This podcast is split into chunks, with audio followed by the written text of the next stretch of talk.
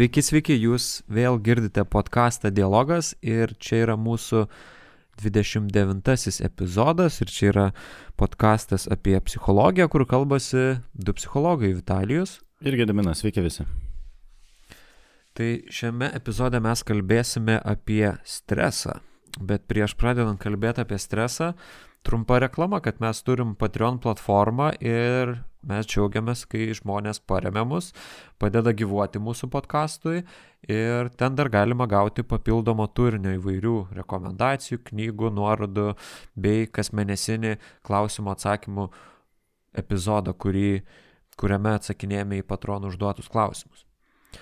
Tai va, tokia trumpa reklama, o šiandien kalbam apie stresą ir aš ruoždamasi šitai temai, e, šitam epizodui, iš tikrųjų daug galvojau, kad šita tema yra psichologinė, psichologijos literatūroje, po psichologijai ir šiaip visame kame, kai kalbam apie psichologiją, tarsi tokia labai nuvalkiota ir netgi devalvuota, man atrodo, kad ai tai čia stresas, žinai, ir, ne, ir netgi tokie pavyzdžiai, kai žmogus ateina pas gydytoją ir jam pasako, kad tau čia skauda uh, ne dėl to, kad yra koks pažeidimas, bet dėl to, kad, tarkim, tu stresą patiri, ai tai čia stresas, numojam ranką ir svarbu, kad, nu, netikras, netikra kažkokia lyga, bet uh, kuo aš daugiau skaičiau literatūros ir domėjausi tą temą, tuo labiau supratau, kaip svarbu turbūt akcentuoti streso žalą mūsų tiek kūnui, tiek, tiek psichikai ir manau, kad šita tema yra tikrai labai svarbi ir, ir galima įvairiais įdomiais kampais ją pristatyti ir galbūt taip netgi kaip e, niekas nekalba apie ją.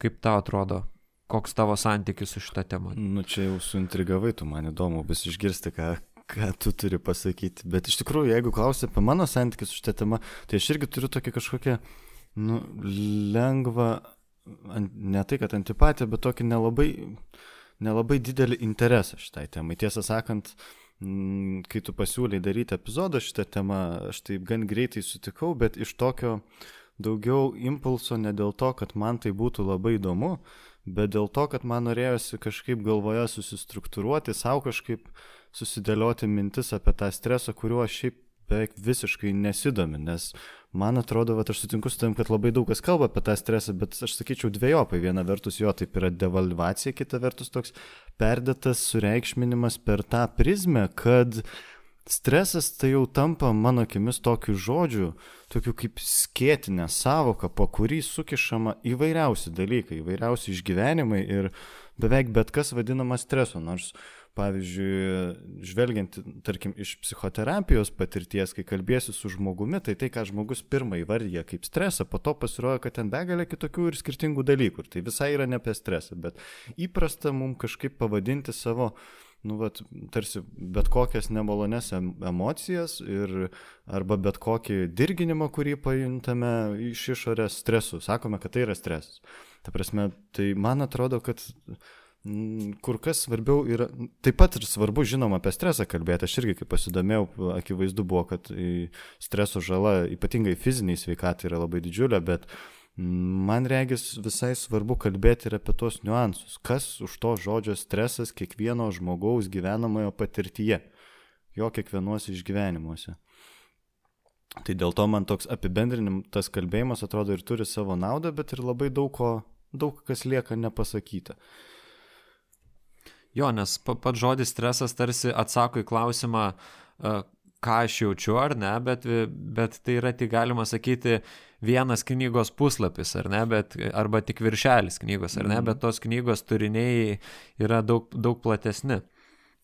Ir tu vat papasako apie savo santykį su, su šita tema, tai aš e, atsaky, kalbėdamas ne iki galo savo santykį iš tikrųjų pasakiau, nes aš jaučiau po studijų e, universitete, kad mums nelabai daug pasako apie tą stresą. Nu, tarsi čia toks savaime suprantamas dalykas, taip mes biškelį ten pasimokėme apie tos žiūrkių eksperimentus, ten apie e, tą e, selyje gars, garsųjį mokslininką, kuris ten tą kortizolę atrado ir, ir ten tyrinėjo, bet tuo ir pasibaigė, ar ne? Ir aš po studijų labai aktyviai pradėjau domėtis, skaityti ir, ir knygas, ir mokslinius šaltinius apie tai, nes aš norėjau padaryti paskaitą apie stresą. Mm. Ir mano buvo tokia pozicija, kad jeigu aš padarysiu paskaitą ir aš pasirengsiu paskaitą apie stresą, tai vadinasi, aš išmanysiu tą temą ir, ir jeigu aš gebu kitam papasakoti, tai vadinasi ir pats suprantu. Ir man iš esmės pavyko, aš e, per pastaruosius e, daugiau nei dviejus metus e, perskaičiau tikrai daugiau negu dešimt paskaitų apie stresą įvairiems specialistams, žmonėms, švietimo specialistams, įmonių darbuotojams ir panašiai. Tai, tai man tas žinių trūkumas po universiteto pa, paskatino domėtis šitą temą ir, ir aš jaučiu, kad aš visai apie ją žinau, todėl man kyla tokia šiek tiek atsakomybė šiandien, ar man išeis papasakoti taip, kaip aš noriu papasakoti. O kaip, kaip dažnai gera, būna su tuo, ką, ką žinai. Kaip man gera šito klausyti, nes aš jaučiu savyje tokia, kad dabar jau aš galiu atsipalaiduoti ir ramiai klausytis ir duoti tau eterį.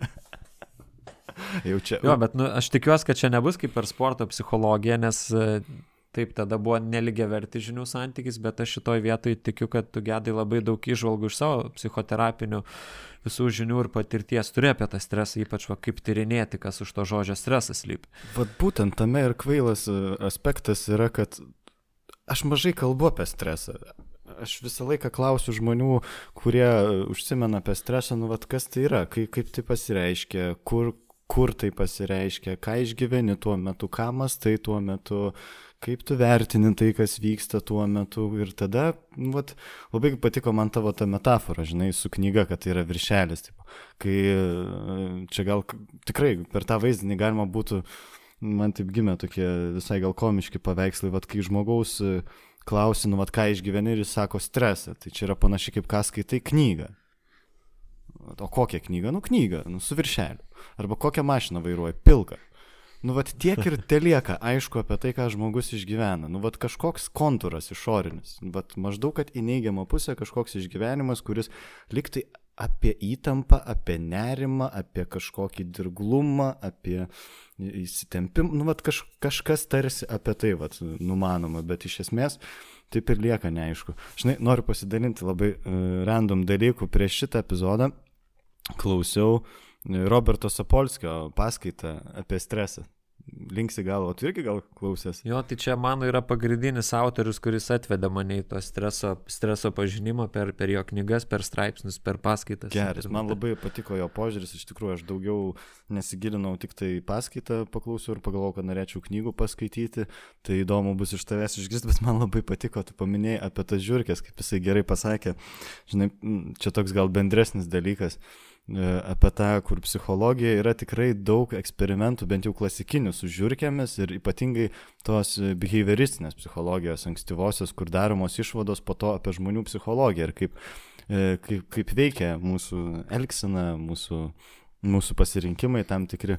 Man žiauriai patiko Sapolskio pasakymus, kad jeigu laboratorinės žiūrkės, kuri tyrinėjama ten toj uždaroj dėžiai, e, gyvenimas kažką pasako apie tavo emocinį gyvenimą, tai mes galime padaryti ne vien tik tai vieną išvadą, kažkas, kad kažkas yra labai rimtai negerai su tavo emociniu gyvenimu. Geras.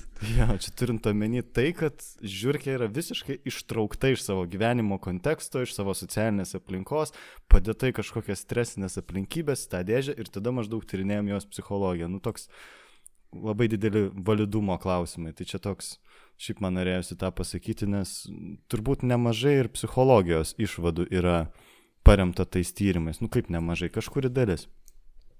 Jo, nes e, iš tikrųjų, kaip, kaip tyrinėjamas tas stresas su žiūrkiam, tai uh, sukeliamos kažkokios sąlygos žiūrkiai ar ne, ir žiūrima, pavyzdžiui, kaip keičiasi streso hormonų lygiai ir, pavyzdžiui, ar atsiranda skrandžio opos žiūrkiams. Tai Tai tokie, nu, gana makabriški eksperimentai, ar ne, padaroma, kad žiūrkė kentėtų, bet va, apie, per tokius eksperimentus yra išsiaiškinama, ar ne, tai kokie, kokios va sąlygos sukuria va tą tokią aplinką, kad jinai vat, padaro, kad žiūrkė, žiūrkės organizme atsiranda vat, skrandžiopa, kuri, kuri daugam žmo, daugeliu žmonių iš e, tokio bendro suvokimo apie stresą ir, ir fizinę sveikatą, tai sako, tu, tu stresuosi, tai įsivarysi skrandžiopą. Mhm. Ir čia nėra visiškai teisingas teiginys, nes uh, Tebūnie pataiso mane, jeigu čia klauso kažkokie gydytojai šito podcast'o, tikiu, kad bent koks vienas kitas klauso, ar tai medicinos studentai, bet tiek mano žiniomis, tiek tai, ką aš skaičiu apie stresą, tai pats stresas savaime jisai nepadaro uh, skrandžiopos. Yra tokia bakterija Helicobacter pylori, kurią vieni žmonės turi organizme, kiti neturi. Ir e, tik tie žmonės, kurie nešioja tą bakteriją, jie gali, jų organizme gali dėl streso išsivystyti e, skrandžiopą, dėl to, kad e, tada organizmo e, ta apsauginis barjeras nusilpsta ir tada ta, ta, ta bakterija pragraužia tenais skrandžio senelės ir atsiranda ten tie visi pakitimai. Tai čia yra pagrindinė priežastis, kodėl atsiranda opa. Ne pats stresas savaime, bet stresas nusilpna organizmą ir tada ta bakterija, kuri yra, jinai jau padaro savo darbą. Bet jeigu šiaip žmogus neturi tos bakterijos organizme, tai stresas nepragrauž skrandžio opas mm. ir tą labai svarbu suvokti. Geras. Tikrai įdomu. Aš tikrai žinau, kad viena žarnyno lygų gydytoja klauso šitą podcast'ą, tai jeigu kainai tave patausys. Okay, pat, pataisys.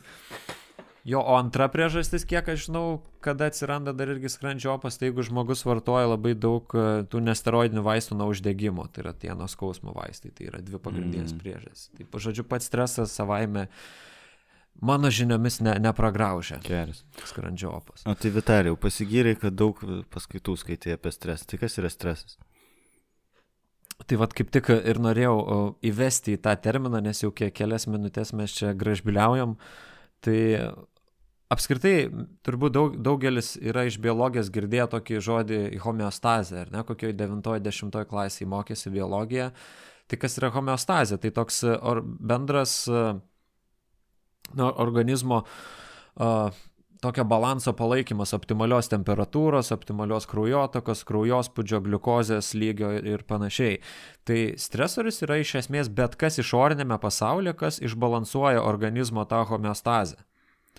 Tai jeigu čia tokiais labiau biologiniais terminais ar ne, bet jeigu mes įvesim tokį subjektivumo į, į streso savoką, tai stresas yra tada, kyla žmogui, kai jisai susiduria su situacija, kuri jam atrodo, kad reikalauja daugiau resursų su pačia situacija susitvarkyti, negu žmogus turi tų resursų.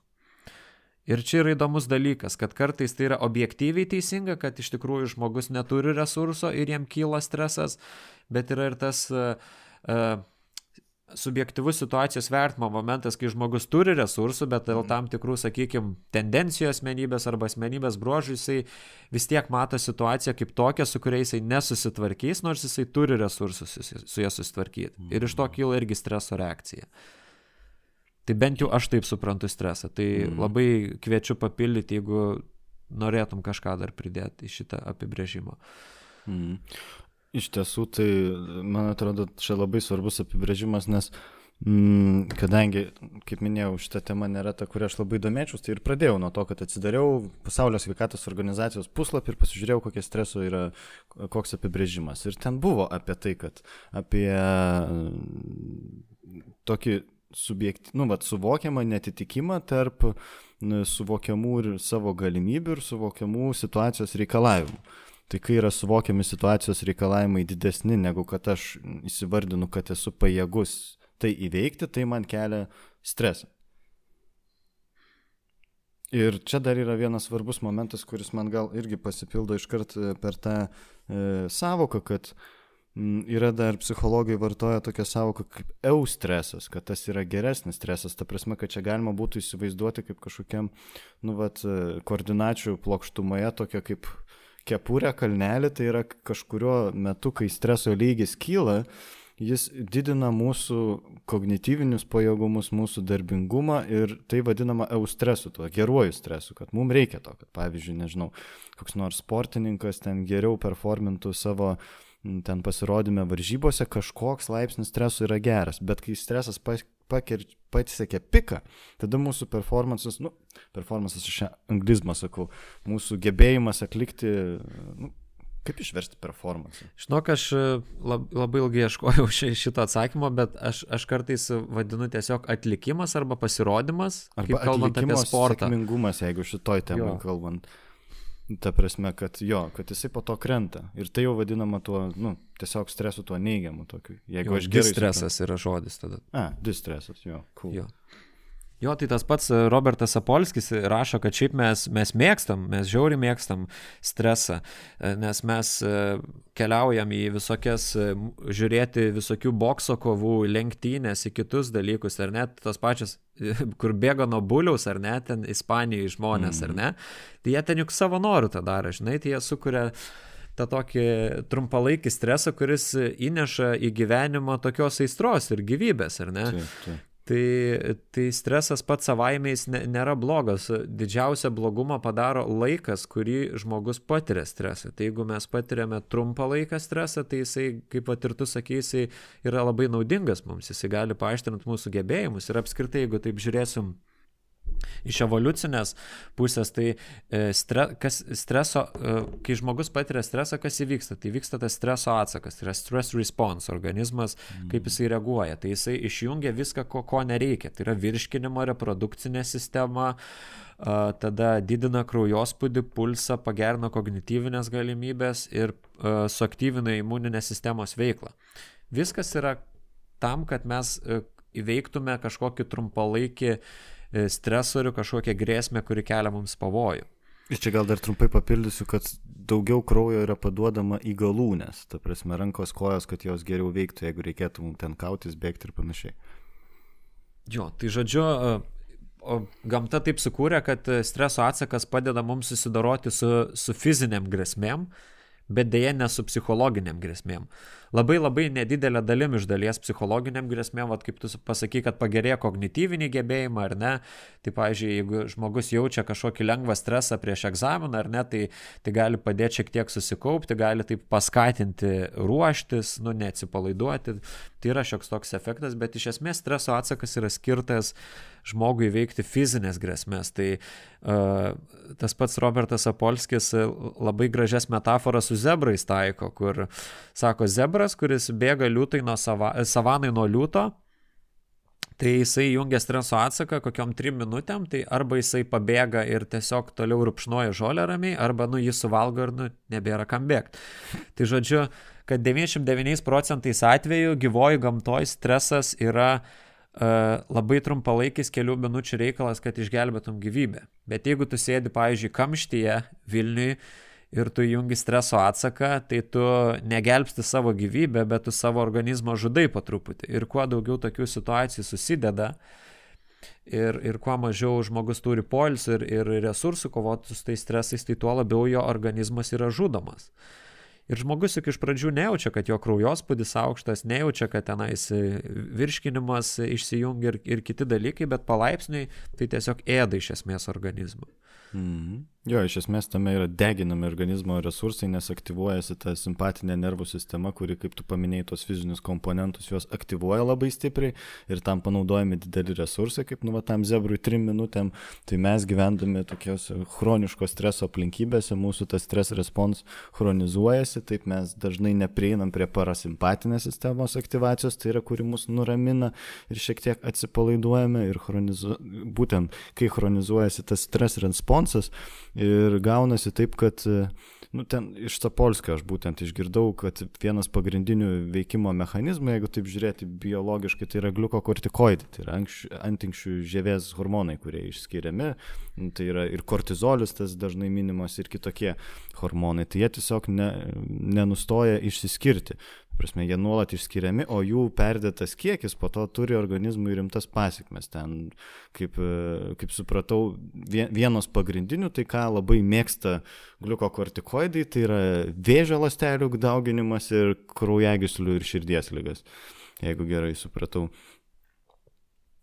Jo, nors pats Sapolskis, tai ten, e, aš nežinau, vėlgi čia e, priminsiu, kad mes nesame medicinos ekspertai, bet pats Sapolskis savo vienoje knygoje kalbėjo apie vėžio ir streso ryšį, tai kad šiaip jau uh, tai nėra taip, kad pats stresas savaime sukelia vėžį, tai kad uh, Taip, jeigu žmogus serga vėžiu, tai aišku, stresas pablogina gebėjimą organizmui kovoti su kažkokiam piktybiniam lastelėm, bet, nu, kad tiesioginio tokio ryšio, kad stresas ir vėžys, tai nėra atrasta tik labai su, su tam tikrais vėžiais. Man Rosis ten knygai minėjo storosios žarnos vėžę ar kažkaip, kad buvo kažkoks ryšys nustatytas, bet kitais atvejais lyg ir nebuvo. Bet vėlgi aš sakau, čia labai pavojinga veltis į medicininius dalykus, ypač su vėžiu susijusius, tai vat, labai, labai stipriai mūsų šitoje vietoje nereiktų gal klausyti, kur.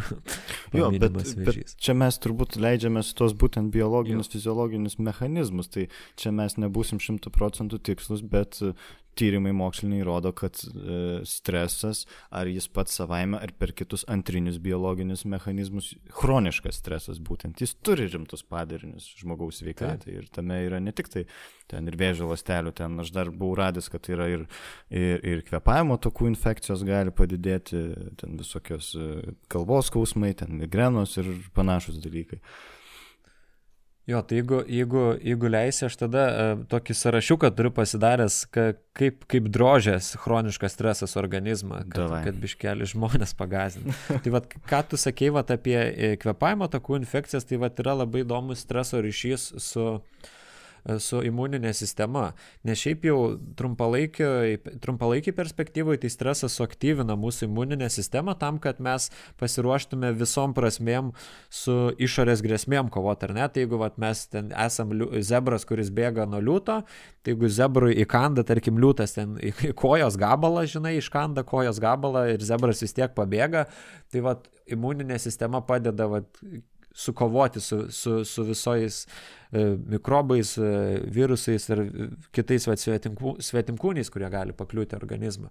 Bet jeigu mes patiriam chronišką stresą, tai imuninė sistema turi nusileisti į žemesnį lygį, nes jeigu jinai bus per daug aktyvi, jinai gali pradėti atakuoti savo organizmo ląsteles ir taip gali atsirasti autoimuninės lygos. Tai yra tokios lygos, kurios, e, kai žmogaus organizmas, e, žmogaus imuninė sistema pradeda pati atakuoti savo, savo organizmo ląsteles ir organus. Tai labai gražią metaforą Sapolskis pasitelkė vienoje knygoje, kai jisai kalbėjo apie, apie imuninę sistemą ir stresą.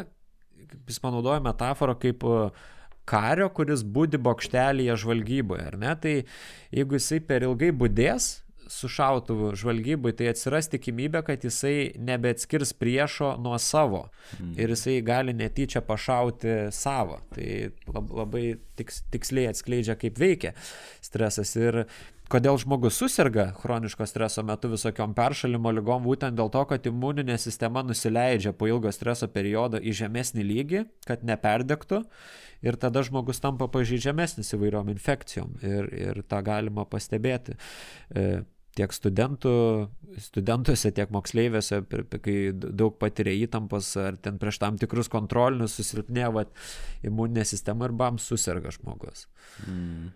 Tai va, čia vienas iš tų dalykų. O, o kalbant apie e, platesnį tą sąrašiuką, tai va, e, sutrikusi virškinimo sistema yra būdinga chroniškam stresui, reprodukcinė sistema gali net vyrams e, erekcijos nebebūti, ypač dėl, dėl streso ir visokių psichologinių priežasčių, kraujospūdis, žinoma, pulsas, o iš tų tokių psichologinių dalykų susijusių su emocijom ir, ir, ir mūsų mąstymu, tai yra įdomu, kad prastėja sprendimų prieimimas šiaip. Nes e, ilgalaikis stresas ir tie hormonai, kurie išsiskiria, jie kaktinės smegenų skilti veikia, e, nepasakysiu tiksliai kokiais mechanizmais, bet veikia tą neigiamą prasme ir prastėja žmogaus galimybės priimti adekvačius, suplanuotus, protingus, pasvertus sprendimus. Ir kitas dalykas, kad e, ilgalaikis chroniškas stresas e, sumažina galimybės malonumą netgi pajusti dėl to, kad išeikvojamas dopamino atsargos žmogaus organizme ir smegenų toj sistemoje. Ir dar yra irgi blogąją prasme veikiamas migdolinis kūnas smegenyse, ta, ta, ta smegenų dalis, kuri atsakinga už, už tą fight or flight mechanizmą, už emocijų patyrimą visokį, tai labai yra nenuostabu, kodėl žmogus, kuris patiria daug chroniško streso, kad jisai turi problemų ir su nerimu šiaip jau. Tai e, toksai va, ryšys atsiranda ir e, nes tas migdolinis kūnas toksai hiperaktyvus pasidaro, jis pradeda vis labiau reaguoti tokius dirgiklius, kurie galbūt anksčiau net, net, nekėlė, net nekėlė problemų žmogui. Mm. Porą dalykų man norisi papildyti apie tos kognityvinės pasiekmes. Tai ką aš atradau, Tai kad vienas iš svarbių mechanizmų, kurį pakerta ir ilgalaikis chroniškas stresas, tai yra dėmesio koncentracija ir dėmesio apimtis. Ir čia gali būti, kad su tuo susijęs ir sunkesnis sprendimų prieimimas, nes kai mūsų dėmesio koncentracija ir dėmesio apimtis mažėja, tai e, pas mus prastėja tai, ką klinikiniai psichologai vadina psichinės veiklos darbingumu. Tai yra, jeigu taip supaprastintai tariant, tai yra kiek mes informacijos vienetų galime duotuoju momentu kažkuria tai sekundę išlaikyti savo sąmoningam, sąmoningam dėmesio laukia ir tuo pat metu apdoroti juos, kiek, kiek efektyviai, kiek sparčiai. Tai ši, kitaip tariant, jeigu paimti kompiuterio metaforą, tai mūsų atmintis, tai ką mes sudėjom, yra kietasis diskas, o šitas psichinis darbingumas tai yra mūsų procesorius, kiek jisai greitai veikia. Tai tas procesorius sulėtėja stipriai. Ir iš to atsiranda irgi pasiekmes, kad mes sunkiau įsimenam informaciją, sunkiau jinai nugula ilgalaikiai atminti, sunkiau mes konsoliduojam, sujungiam įvairias skirtingas, nes pavyzdžiui, reikia priimti rimtus sprendimus, tai mums reikia daug vertinti pliusų, minusų, A, B, C variantų visokių. Ir aš taip spėčiau, čia mano hipotezė būtų remiantis tuo e, dėmesingumo suprastėjimu, kad, kad tai gali būti vienas iš tokių mechanizmų, kuris streso poveikiai esant e, trikdo Ir dėl to čia irgi tokia tada, žinai, išsinešimų į namus žinutė apie tai, kad tuo metu, kai mes esam tokio padidinto streso aplinkybėse, ten, nežinau, prieš kažkokius rimtus įvykius, kurie mūsų laukia, ten, nežinau, studentam diplominių darbų gynimai, ten kitiems žmonėms, nežinau, darbo pokalbis čia pat. Tai tuo metu tomis dienomis ar savaitėmis geriausia nepriimti tokių globalių sprendimų apie savo gyvenimą, labiau mąstyti lokaliai ir tvarkytis su to uždaviniu, kuris reikalauja, o ne kažkokius, nu, tokius rimtus vertybinius sprendimus priimti, nes mes prašiau tada įvertinam. Ok, dėkui, kad papildėjai.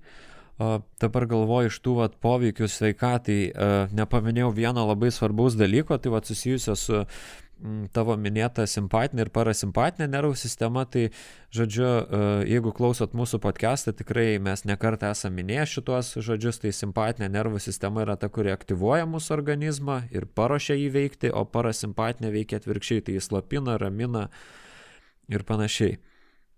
Tai e, šiaip jau žmogaus širdies ritmas jisai nėra pastovus.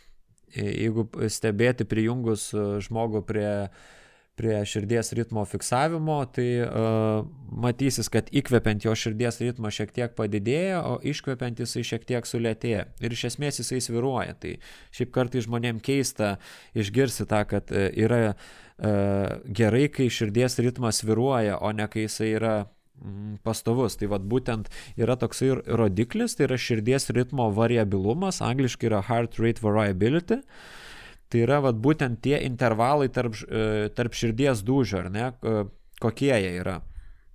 Ir kaip, e, kaip keičiasi. Tai, tai yra šiaip nustatyta tyrimais, kad pakankamai patikimas e, rodiklis įvertinti, ar žmogaus organizmas yra paveiktas chroniško streso. Tai reiškia, jeigu žmogaus organizmas yra paveiktas chroniško streso pakankamai ilgai, tai jo širdies ritmo variabilumas uh, E, bus labai, labai mažas. Tai reiškia, jo širdies e, e, tasai sviravimas ritmo bus labai nedidelis, tokiu pastoviu ritmu širdis plaks, tai yra blogas dalykas. Tai yra didesnis širdies ritmo variabilumas rodo apskritai tokį geresnį žmogaus prisitaikymą tiek prie aplinkos, tiek prie, prie visokių iššūkių.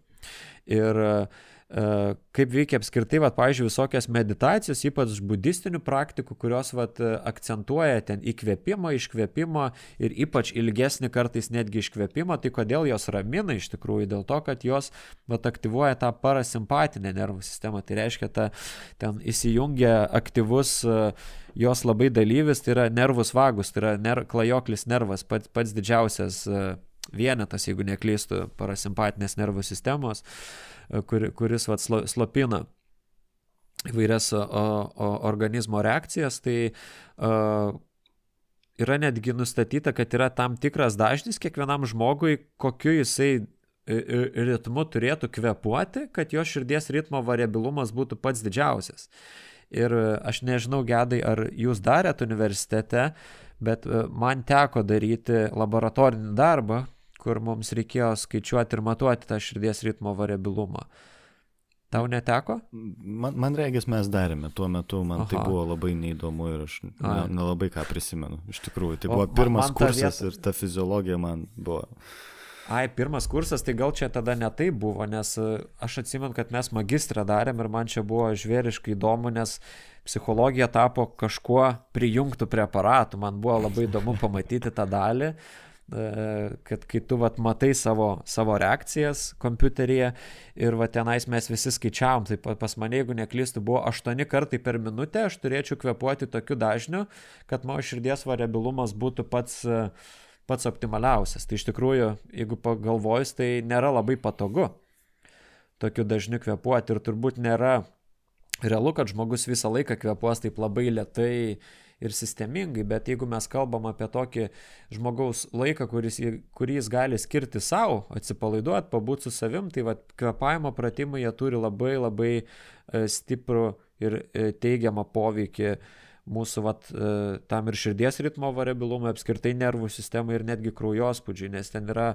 tuose didžiosiose arterijose tokie baro receptoriai, kurie e, į slėgį, man atrodo, reaguoja ir irgi darant gilius kvepavimo pratimus žmonėm, kurie turi padidintą kraujospūdį, jie netgi gali sumažinti tą kraujospūdį. Mm. Tai čia nu, labai, labai įdomus dalykai. Tai va, jeigu turit laiko, ir norit sumažinti poveikį organizmo stresui, tai siūlau labai praktikuoti tokius gilius kvepavimo pratimus. Kelių sekundžių kvepimas, trumpas sulaikimas ir kelių sekundžių iškvepimas. Žiauriai geras dalykas.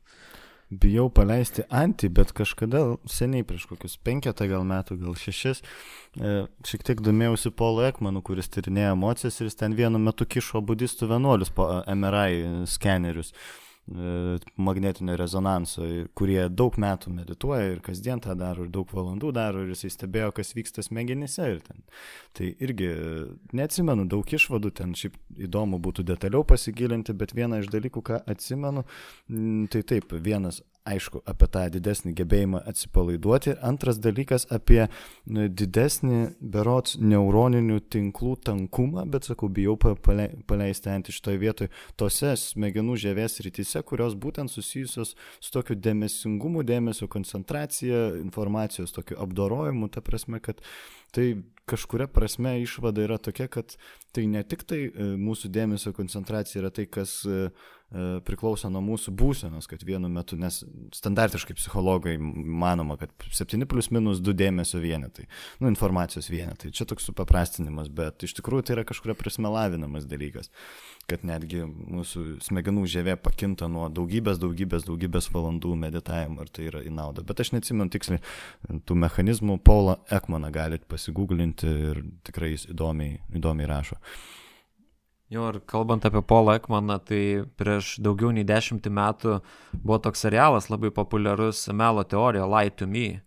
Tai jisai būtent yra pastatytas e, ir remiasi Polo Ekmano atliktais tyrimais ir, ir, ir ta medžiaga, aišku, ten su Hollywoodinta, biški dramatizuota, bet iš esmės yra ir, ir nemažai tokios tikros informacijos. Geras serialas. Įdomus yra dalykas, tai va tuo metu, kai aš domėjausi juo ir žiūrėjau tą serialą, Polas Ekmanas savo tinklapį yra pakomentavęs kiekvieną to serialo epizodą. Kas yra toli nuo mokslo, kas yra adekvatu. Tai čia irgi labai įdomu. Čia šiaip, off topicas. Grįžtam prie streso. Ok. Tai va, papasak, prigaznom čia žmonės, kokią žalą tas stresas daro. Ką dabar daryt mums čia? Žinai, atrodo, mes... Aha, sakyk.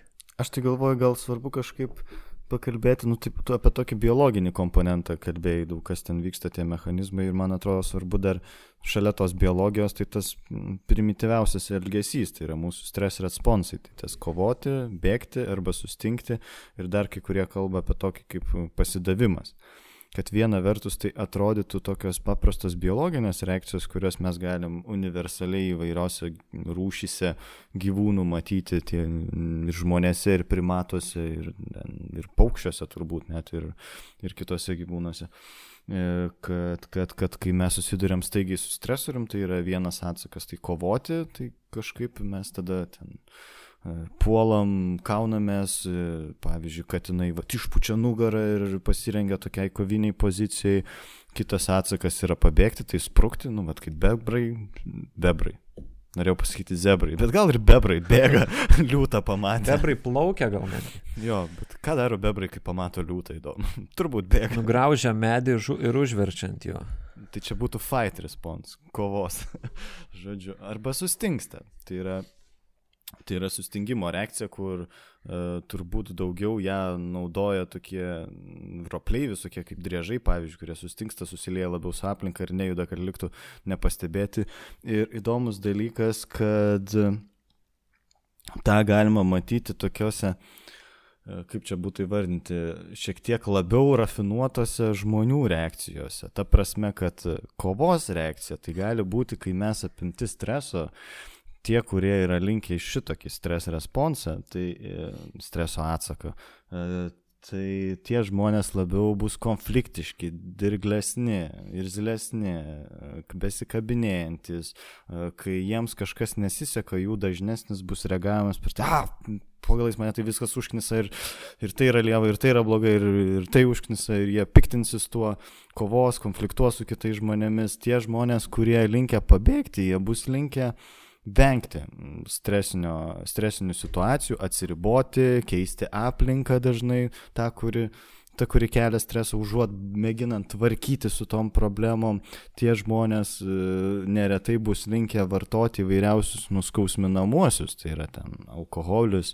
e, rūkimas, įvairios kitos medžiagos, kurios nuima stres respons, arba pavyzdžiui, išsistimuliavimas dopaminų, skrolinant TikTok arba Instagram arba kitokias socialinės medijas, tiesiog kompulsyviai tą darant ir nepastebint, kad tą darom.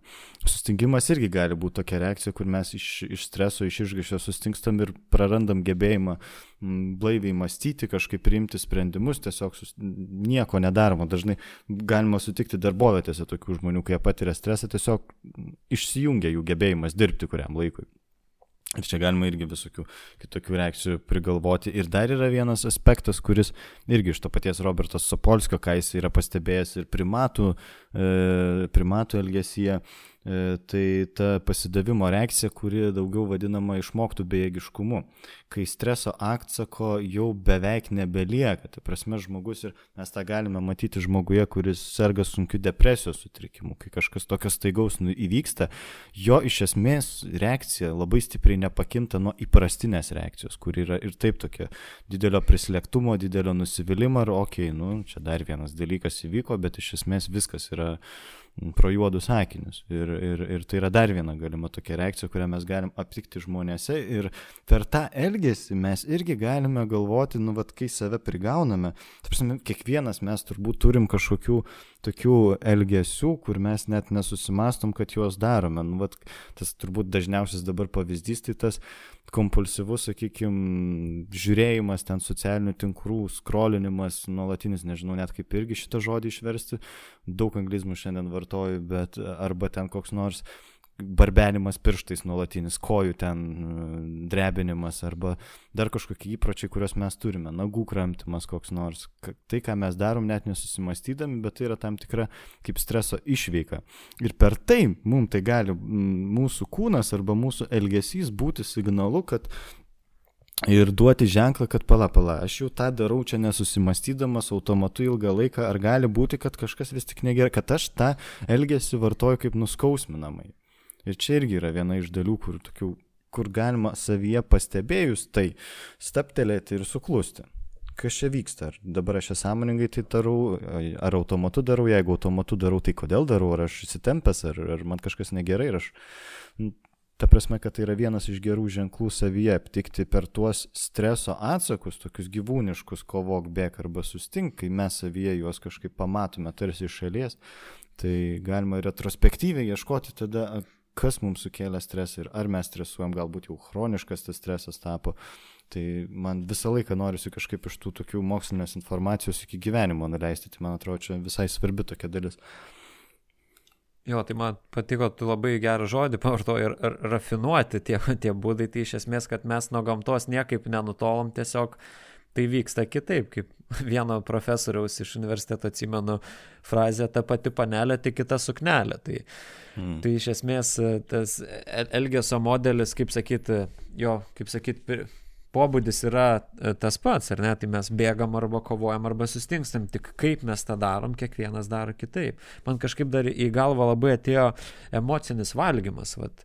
tai čia mhm. turbūt irgi priskirti prie slopinimo, ar ne, nes dabar labai populiaru apie tai kalbėti, kai žmonės patyrę stresą užsisako ten daug visokių skanėstų ir kitų dalykų ir dar beje, galima pastebėti, kad kai žmogus yra išse, išsekintas streso, kad jam tikrai nu, atsiranda toks gliukozės poreikis, e, cukraus labai dėl to, kad nu, jisai išikuoja daug energijos ir labai cukrus ir skanus dalykai pamalonina mus, bet šiaip jau in the long run, vat, kaip tu sakai, tai gali sukelti problemų, reikia būti sąmoningiams tiem dalykams, pažiūrėti, kad ar tokiu būdu, kaip aš reaguoju į stresą, ar tai man yra naudinga, ar tai veikia automatu, kaip tu sakai. Jo, čia irgi vienas iš tų dalykų. Dabar prisiminiau apie tas pačias lygas šiek tiek pridedant. Skrinis diabetas. Mm, tyrimai rodo, kad labai stipriai koreliuoja su, stre, su patiriamu chronišku stresu, bet vėlgi mechanizmas ne tai, kad stresas tą sukelia, bet tai, kad žmonės neretai ima e, emociškai valgyti ir dažnai valgyti saldžius dalykus. Ir tada visi tie gliukozės fiziologiniai mechanizmai, kuriuo aš gerai neišmanau, žodžiu, gali atvesti prie cukrinio diabeto. Tai irgi tas yra pavojingas aspektas. Ir čia yra toks dviešmenis kardas. Viena vertus, e, malonių dalykų patyrimas yra labai svarbus parasimpatinės nervų sistemos aktyvacijai. Ta prasme, jeigu taip žiūrėti iš tokios kasdienės kalbos, nu, turbūt esat kažkur girdėję kažkokį pasakymą, kad, nu, va, išlaikyti ten egzaminą, ten kažką malonaus suvalgykite, nežinau, šokoladą, apsidovanok save iš tos serijos. Tai yra iš tikrųjų svarbu. Bet jeigu tai tampa tokiu labai dažnu, periodišku, nuolatiniu emociniu valgymu, tai jau nebėra gerai. Bet e, toks būdas, kuris nu, turi kažkokią saiko ribą kiekviename žmoguje, tai, tai jisai gali padėti tą simpatinės nervų aktyvacijos sumažinti. Ir tai gali kaip tik padėti, nes būtent vėlgi čia tas svarbus elementas, nėra blogai tie trumpalaikiai stresai žmogaus organizmui ten. Egzaminus, nežinau, laukiam mes ten, užsistresavom parą prieš, tada praėjo. Nu, mūsų labai stipriai tas ne, nesudegina, mes esam ganėtinai prisitaikę tokius dalykus pati, bet kai tai nenusileidžia, kai mes toliau stresuojam, nežinau, laukiam dvi savaitės egzamino rezultatų ir drebam iš baimės, tai jau nebėra gerai. Jo, ir, ir, ir apie tai N kartų turbūt šiandien minėsim Sapolskio pavardę, bet jisai tikrai yra žmogus, kuris labai daug dalykų susisteminės yra apie stresą ir labai mm, pasikaustęs tame, tai tikrai galima jo remtis. Tai jisai vat, mm, vienoje knygoje labai gra, gražiai aprašė norvegų parašiutininkų pavyzdį, kai buvo pradėdam, pradedama treniruoti e, kariuomeniai parašiutininkus ir steb, stebimi jų, jų vat, organizmo parametrai, ar ne? Tai e, pačioje pradžioje apmokymų, tai jie jau netgi, dabar bijau sumeluoti kiek, bet tikrai daugiau negu dieną ir gal net kelios dienos prieš šuolį, jie jau įjungdavo streso atsaką. Tai jie jau pradėjo deginti savo organizmą. Paskui mokymo pabaigoje jie jau taip prisitaikė prie to, kad jie uh, sugebėjo įjungti tą streso atsaką jau iš esmės tik prieš pat šuolį. Ar ten valanda laiko iki šuolio, ar ne? Tai yra tai, ko, ko mes ir norėtume, kad streso reakcija nedegintų mūsų organizmo resursų, o tiesiog va, kaip tik juos pabūstintų tada, kada jų reikia.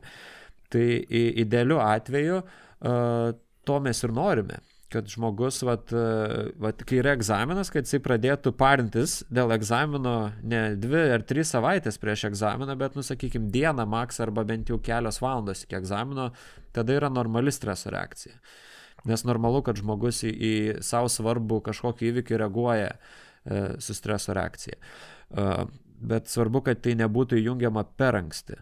Mhm.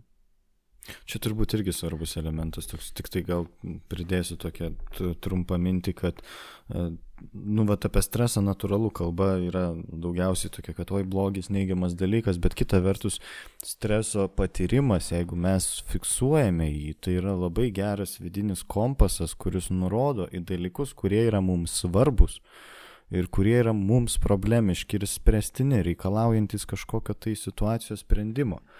Ir dėl to tai yra, nu, čia visą laiką tarp skirtingų psichologinių mokyklų vyksta nesutarimai ir psichologai diskutuoja, vieni yra labiau į simptomą orientuoti, tai pavyzdžiui, kai ateina žmogus ir sako patiriu stresą, aha, ieškom būdų, ką daryti, kad tu jo nepatirtum. O kitos mokyklos labiau laikosi požiūriu, kai ateina žmogus ir sako patiriu stresą, į ką tu reaguoji, kas tau kelia stresą, kur tu jį patiri, apie ką tau tos situacijos, dėl ko ir už to tada kiti dalykai atsiranda ir galimai kitos problemos. Ir čia yra visokių skirtingų tyrimų, vienur rodo neefektyvumą į simptomą orientuoto gydimo, kitur rodo efektyvumą kaip tik ir čia yra nu, psichologų tarpusavį debatai nuolat vykstantis, bet tai vienas iš kampų, kurį kuris taip pat svarbus, ne tik tai kalbant apie stresą kaip tokį, su kuriuo svarbu gerai susidoroti kabutėse ir gerai pasiruošti jam, kad jo kuo mažiau patirti, tai vienas iš kampų yra svarbus, kad tai yra tuo pat metu mums geras toks vidinis signalas, kuris mums šį bei tą parodo, kuris leidžia mums pažinti mūsų pačių gyvenimus, iš esmės jau taip plačiai.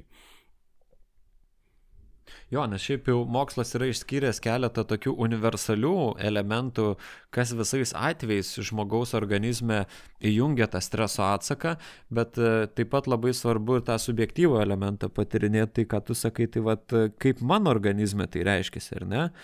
Tai vad kokiose situacijose mano, organi... mano gyvenime tas stresas pasireiškia ir kas už tų situacijų slypi. Tai šiaip, kad, kad, kad jau užsiminiau, tai galiu iš tikrųjų ir paminėtos kelis e, universalius faktorius, kurie lemia, kad žmogus patiria stresą. Tai, pavyzdžiui, nenuspėjamumas.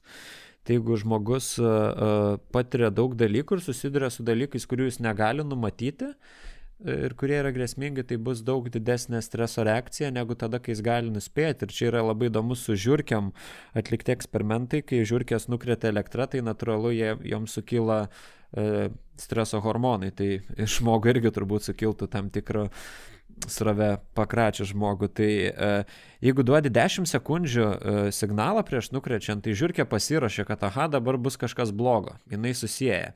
Ir tokiu atveju jinai patiria daug mažiau streso negu tada, kai ją, ją be perspėjimo mhm. e, krato.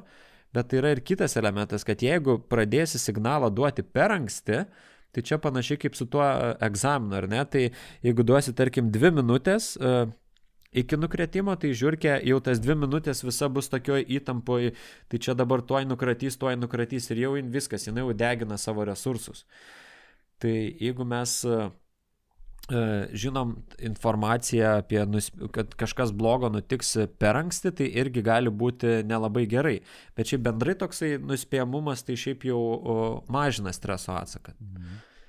Tada dar kontrolės pojūčio turi, neturėjimas labai žmogų veikia.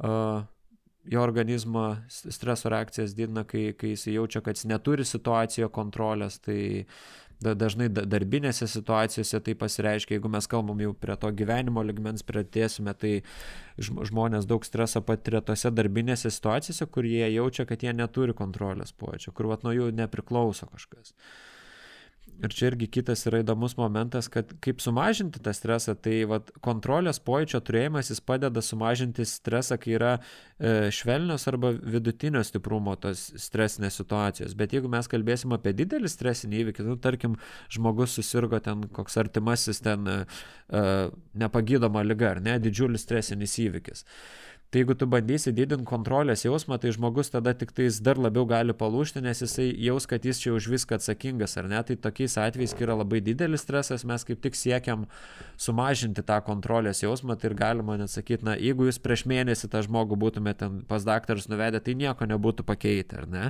Tai padeda sumažinti, kad tu nebuvai atsakingas už tai.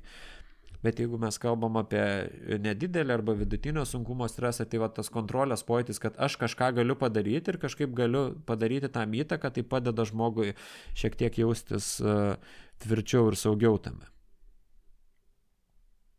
Mm. Geras, man atrodo, labai svarbus tas e, pavyzdys yra apie kontrolę ir man dar norisi pridėti šitoje vietoje, kad yra dar ta dalis, kur neretai uh, čia taip truputėlį gali nejautriai skambėti, nes už to vis tiek yra visokiausi psichologiniai dalykai, įvairios nuostatos, ten gyvenimo patyrimas ir panašiai, bet neretai žmonės atsisako subjektivaus kontrolės pojūčio. Ta prasme, kad prisėmimas kontrolės jausmo tai yra, kad e, aš esu atsakingas už vieną ar kitą situaciją, įpareigoja kartais dar didesniam stresui kabutėse, tai, yra, tai gali reikalauti kažkokio pokyčio, kažkokio veiksmų. Tai dėl to neretai žmogus savo tarsi paaiškina tam tikroje stresiniai situacijoje, kad aš nieko negaliu pakeisti, nors iš tikrųjų galima pakeisti. Ir tada patiria tą stresą. Bet čia ir yra tas svarbus labai aspektas apie tokį, nu, vat, kaip įvertinti tai, kas yra tokia reali grėsmė ir, ir atsakas būtų kažkoks teisingas su ją dorotis, išspręsti, o kas yra tokia, nu, vat, grėsmė, kur yra gal reali, ne, ne, ne tas skirtumas, bet labiau apie tokią, kuri spręstina ir kuri neišvengiama kuri tarsi būtina, duota situacija, su kuria svarbu turbūt atrasti kažkokį kitokį santykį. Tai dar šitas momentas, man atrodo, svarbus, kalbant apie stresą. Mhm. Jo, čia su to kontrolės jausmu tai tikrai vis, visokių įsivelia papildomų veiksnių ir kai žmogus, nu, tada netgi gynybos mechanizmai visokie gali atsirasti kaip racionalizavimas, neigimas ir kiti dalykai. Tai, tai čia, čia svarbu va, tą pastebėti, bet, bet bendrai, va, nu, kontrolės neturėjimas iš tų va, ale, universalių veiksnių jis yra jo, tas, kuris kelia stresą. Mm. Bet va, ką tu gediminai pasakyti, tai va čia yra tas tyrinėjimas ir kontekstas, ar ne? Tai kodėl va, aš turiu kontrolės jausmo, ar ne šiek tiek, bet man vis tiek kyla stresas. Tai jaučiu, mes einam į konkretų atvejį, į konkretų pavyzdį kažkokį ir tyrinėjom, tai kas ten visgi vyksta. Mm, atsiverčiam turinį knygos. Taip. Man atrodo, kad yra svarbus klausimas iš mūsų Patreon remėjo, kuris gali padėti mums tyrinėti šitą streso temą apie stresą ir nerimą. Galbūt mes galim jį perskaityti. Nežinau, ką turi omeny, skaityk.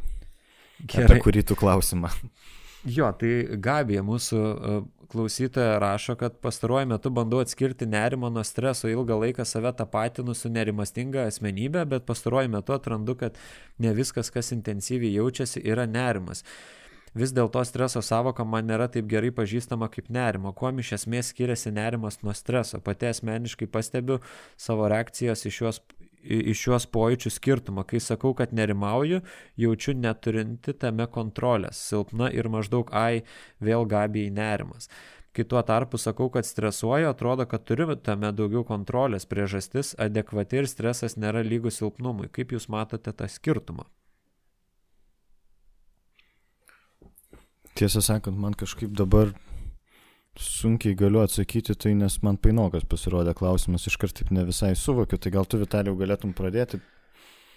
Jo, tai aš pabandysiu, pabandysiu išgelbėk draugą, pažaisti, kaip, kaip aš supratau tą klausimą. Tai uh, man irgi galas šiek tiek paininis skambėjo, bet aš bendrai apie tą stresą ir nerimą.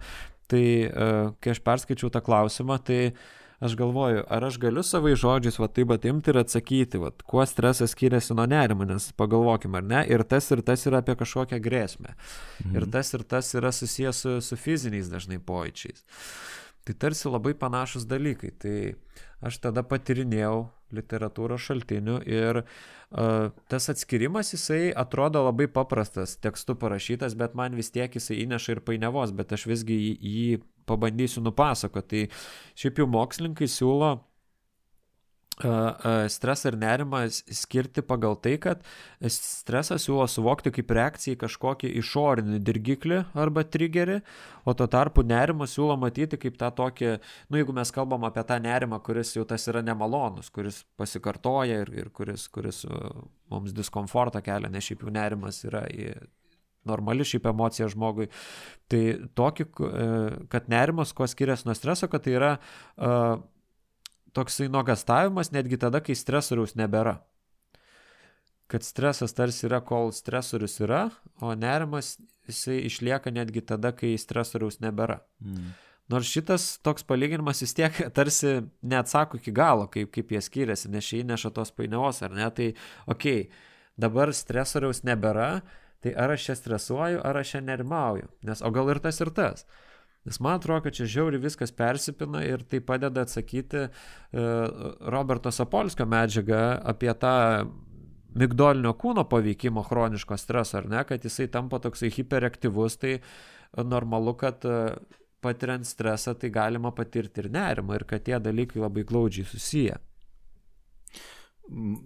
Aš irgi kažkaip per šitą laiką, ačiū už išgelbėk draugą, suvokiau klausimą ir man kažkuria dalim irgi atrodo, kad tai yra, e, bet čia aš iš savo paradigmos mastau, kad e, kalbėti apie skirtumus tarp nerimo ir streso yra žaidimas savokomis, kurias mes priskiriame vienokiem ar kitokiem vidiniam patyrimam. Ta prasme, kad skirtingi žmonės skirtingai gali vartoti tą savoką nerimui, ta prasme, skirtingiam vidiniam patyrimam apibūdinti. Ir čia būtent, jeigu kalbėti va taip kažkaip vadovėliškai ir tavęs klausiausi ir atrodo iškart patenkama į pastus. Nu, va, pavyzdžiui, stresas išorinis e, labiau dirgiklis, o, o nerimas nebūtinai. Nu, bet stresą mums gali kelti buvimas ir be dirgiklių. Stresorius gali būti praktiškai bet kas. Pavyzdžiui, kai žmogus ten įpratęs kažką visą laiką veikti, būti kažkokiu nu, nuolat stimuluojančiu simulacijoje kažkokioje ten draugai ir panašiai, nu, vat, karantino sąlygos. Ir tada susiduri tarp keturių sienų vienas sėdi. Ir tai gali būti stresorius. Daugybė žmonių tai yra stresorius, nes jiems sunku būti su savimi ramybėje, tyloje. Ir tai tikrai nėra toks netiek išorinis, kiek ten tada vidiniai kažkokie stresoriai, kai būna terapijoje kalbėsi su žmogumu. Kas tada vyksta su tavim, kai būni vienas? Nu ir ten tada kyla kažkokie jausmai, senos traumos arba kažkokios mintis neigiamos apie save. Ir tai tampa tokiu stresorium. Ir dabar čia pasakyti, ar čia kilo nerimas ar stresas, tai man šitoje vietoje kažkaip, aš sunkiai galėčiau įvardinti tiesą sakant. Ir nerimą galima įvardinti labai skirtingai, labai plačiai, tai šitoje vietoje man e, sunku būtų atsakyti. Bet tai, ką aš girdžiu, e, ką suvokiau iš Gabijos klausimo apie tą tokį kontrolės turėjimą. E, kad kai tarsi kai jaučiu nerimą, tada jaučiuosi neturinti kontrolės ir silpna tame. Kad čia yra daugiau gal ne tiek man tai skamba apie skirtingą, nu, va, tokį emocinį patyrimą, bet skirtingą emocinio patyrimo interpretavimą. Ta prasme, kad kai aš nerimauju dėl kažko, ką aš galiu sutvarkyti, tai reiškia, kad nu, viskas su tuo tvarkoje, ta prasme, problema rimta, ten situacija svarbi ir aš suprantu, kad nerimauju ir susitvarkau ir man tai praeina. O kai nerimauju dėl to, ką jaučiu, ką sunku man gali būti įveikti, tai tada aš prisimu tarsi tokia, tada interpretuoju tą savo patyrimą, kad esu silpnas kad dėl to jaudinosi, pf, nu, arba ten, nežinau, arba būna žmonės dažnai jaudinasi dėl kažkokių dalykų, kuriuos patys įvertina kaip smulkmenas, kažkokius mažareikšmiškus ir tada daro išvadą apie save, kad yra silpni. Tai man atrodo, tai labiau priklauso nuo tokios interpretacijos. Bet kita vertus, jeigu taip grįžtant labai labai labai atgal, tai ką tu paminėjai e, apie Nu, ir abu kalbėjom pradžioje apie vieną iš streso ap, apibrėžimų, kad tai yra tas suvoktas netitikimas tarp e, suvokiamų situacijos reikalavimų ir suvokiamų savo galimybių. Tai man atrodo, kad čia Gabijos komentarė yra tos abi pusės. Apie suvokiamus situacijos reikalavimus vieni įveikimi, neįveikimi, o kitas apie suvokiamas galimybės. Tai yra, kai aš suvokiu, kad mano galimybės mažesnės negu situacija, aš tada darau interpretaciją apie save, kad esu per silpna. Bet jeigu suvokiu, kad mano galimybės didesnės negu situacijos reikalavimai, nors situacija mane kelia stresą, tai tada aš nedarau tos m, mm, tarsi išvados. Tai, bet vėl aš čia kalbu apie tai, kas yra už, už tų viršelių knygos kabutėse, kurios viena vadinasi nerimas, kita vadinasi stresas. Man gal sunkiau kažkaip operuoti tais viršeliais, tai dėl to aš apie tai kalbu. Bet čia vėlgi, čia yra hipotezės, aš nežinau realiai konkrečios situacijos, daugiau leidau savo paspekuliuoti tai, kas man atėjo į galvą. Jo, tai čia man atrodo, kuo daugiau eini šitą e, dichotomiją streso ir nerimo, tai kuo gilini mišką, tuo, tuo daugiau medžių. Ir tuo, tuo, nu, nes atrodo, galima atrasti argumentų ir už vieną pusę, ir už kitą, ar ne, kad tai yra labai persidengiantis dalykas, bet tuo pačiu galima tikrai turbūt rasti argumentų, kurie sakytų, ne, ne, čia yra atskiri dalykai, kurie yra panašus, bet vis tiek jie daug, daug labiau atskiri yra. Ir man atrodo, kad kaip aš dabar mastau, kaip galima, tarkim, ir stresą, ir nerimą patirti, ar ne? Tai tarkim, artėja po savaitės, nu, nežinau, viešas kalbėjimas žmogui, ar ne? Situacija stresinė. Tai jisai dar būt, galbūt nebus įjungęs to streso atsako, nes dar jinai yra tolokai, bet jisai jau nerimaus. Tai kas čia man gali nutikti, kas čia bus, jeigu man nepasiseks, ar ne? Tai kad yra situacija, kuri vat, potencialiai yra stresinė, bet jinai dar, vat, dar ir iššūkia ir nerima. Tai yra visokių tokių grėsmių vat, pamastymą. Nes man, kalbant apie nerimą, labai į galvą lenda e, Fritzo Perlso mintis, kur, kur, kur, kurioje jisai sakė, kad neurotikas yra tas žmogus, kuris kenčia vaizduotėje. Mm.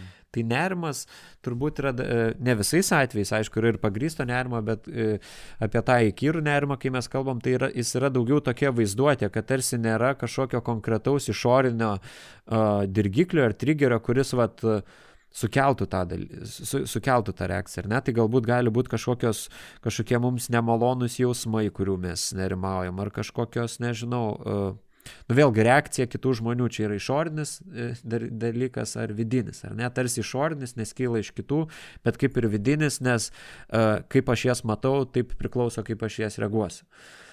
Ir čia toks įsipina tikrai, nu toksai biškel netgi chaosas, tai kaip atskirti, kas yra išoriniai, kas yra vidiniai. Mm. Yeah. Tai atrodo, kad Gabi ir šiek tiek atsakėme klausimą, bet ir įnešėm dar daugiau sumaišties.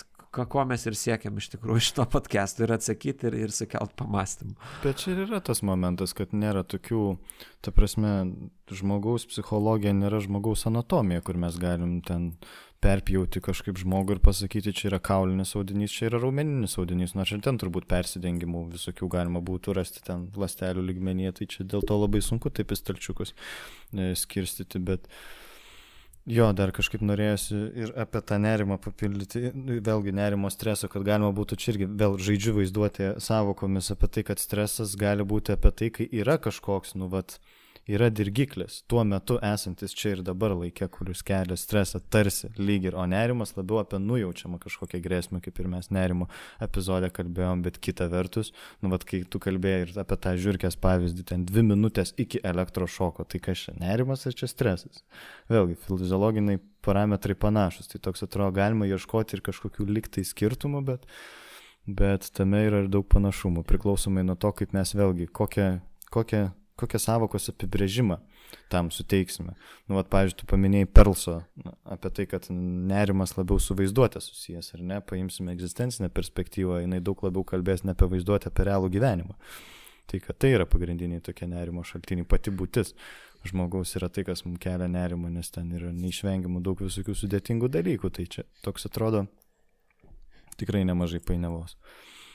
Nes, o ką, kai tu, kai tu apie žiūrkės pakalbėjai, man toksai, bet čia vėl visiška spekulacija, toksai filosofinis, gal teorinis pamastymas, vat, kad nerimas tai yra toksai žmogiškas streso komponentas. Nes, nu šiaip jau gyvūnai jie negali jausti nerimo, nes jie labiau tą stresą jaučia, kad mes galim fiksuoti stresą gyvūnuose. O, o nerimas labai susijęs su tuo patyriminiu momentu, ką aš patiriu ir ką aš matau, kokias aš grėsmės matau. Tai man tarsi norisi sakyti, kad nerimas tai yra kaip ir streso toks papildinys, ta žmogiškoji dimensija to streso. Mm. Bet čia nu, tiesiog ką tik sugalvojau, neturiu jokių šaltinių, kurie pagrįstų tai. Jo, čia tarsi būtų irgi vienas iš būdų apibūdinti, kad stresas tarsi labiau tokia biologinė emocija, kabutėse, o nerimas daugiau ir psichologinė emocija. Nu, toks irgi atrodo galimas, galimas būdas ieškoti tokių savokų skirtumų. Bet kita vertus vėlgi, nu, tai labai persidengia. Jo. Tai va, šiaip turim daug klausimų apie stresą, kurie gali vat, padėti tą temą matyti mum, nes ir jau visai nemažai mes šešnekam, tai gal verta pabandyti tada atsakyti tuos klausimus ir manau, kad šiek tiek ir atsiras naujos informacijos apie stresą. Mhm. Jo, Tai pavyzdžiui, kita klausytoja Karina klausia, gal galite pasiūlyti praktinių patarimų ar pratimų malšinti streso sukeltą nerimą ir to nerimo fizinius pojūčius. Vėlgi, geras pavyzdys pačiam klausimui, kaip tos dvi savokos nu, šalia viena kitos. Ir dabar ar streso sukeltas nerimas, ar nerimo sukeltas stresas, nu, vat, bet žodžiu. Jo. Nebesikabinėjom, nes patys susipainiosim ir, ir klausytojai susipainios. E, tai apie praktinius patyrimus, fizinius pojūčius. Tai jau nemažai, man atrodo, Vitalijau, tu paminėjai apie tas relaksacijas, pavyzdžiui, kvepavimas. Vienas svarbus dalykas, vėlgi iš to paties Roberto Sapolskio, nerimo išvyka. Ir mes turim galimybės kažkur uh, patirtą stresą ir tą sukauptą uh, simpatinės nervų sistemos aktyvacija didelė kažkur nukanalizuoti. Tai aišku, pirmas dalykas tai yra fizinė veikla, tai yra mankšto sportas ar kažkoks nu, pasivaikščiojimas, pabėgiojimas, kažkas fiziško, šokis. Tai ir tie dalykai, kurie yra tokie, nu, vieni iš, iš bazinių, kalbant apie biologinę komponentę. Ką tu pridėtum? Jo, kai, tu pasakė apie tą išvykimą, aš jau prieš tai norėjau paminėti, bet nuo, nuo ležuvio galo nuslydo vienu metu, tai tą gra, gražų eksperimentą apie žiūrkės ir, ir elektrą, kai buvo dvi žiūrkės, kurias kratė elektra, ar ne, ir viena žiūrkė pribėgdavo prie kitos ir pakandžiodavo ją. Ir įdomu tai, kad ta žiūrkė, kuri kandžiodavo tą kitą, tai jinai, jai neatsirado skrandžiop ar ne, jinai susidūrė su stresu, bet išveikė ją. Tai čia toksai kaip e, gana žiaurokas pavyzdys, bet kai mes susidurėm su stresu, tai ir atsirado toks dalykas, kad uh, kartais tu turi būti tas, kuris kelia tą skrandžio opas kitam žmogui, ar ne, ir tai gali padėti įveikti situaciją, kad, kad yra kažkokia išvyka. Kad, nes galim ir pastebėti, tarkim, ar ne, mokyklose, kad tie visokie mušeikos, tai šie, šiaip jie jau mažai to streso patiria, nes jie kažkaip visą laiką nukanalizuoja tą dalyką per savo, per savo elgesį ir kitus dalykus. Tai čia visuomeniai nėra labai naudingas dalykas, bet va tyrimai rodo, kad tai veikia, kad jeigu tu va biški kažką pakankini pakandžiai, tai tau tai tampa išvyka. Tai čia tik labia, labiausiai klausimas, kaip padaryti tokią išvyką, kad jinai būtų primtina ir man, ir kitiems. Ar ne? Tai gali būti fizinis aktyvumas, tai gali būti na, kažkoks energijos nukreipimas į, į meną, į tapybą, į rašymą ir įvairių formų, kaip, kaip tą energiją nukreipti. Dar tada paminėčiau, ką ir prieš tai sakiau, kvepavimo pratimus, gera miego higiena labai svarbu streso, streso sukeltiem fiziniam pojūčiam uh, mažinti, ar ne, nes jeigu aš patiriu stresą, tai šiaip jau ir miegas gali sutrikti. Sutrinka miegas, tai jau naujas stresorius ir užsiska toks užburtas ratas. Tai vat, e, miego epizode mes su Gediminu daug kalbėjom ir apie miego higieną, tai jeigu norit daugiau sužinoti jį, tą epizodą paklausykit.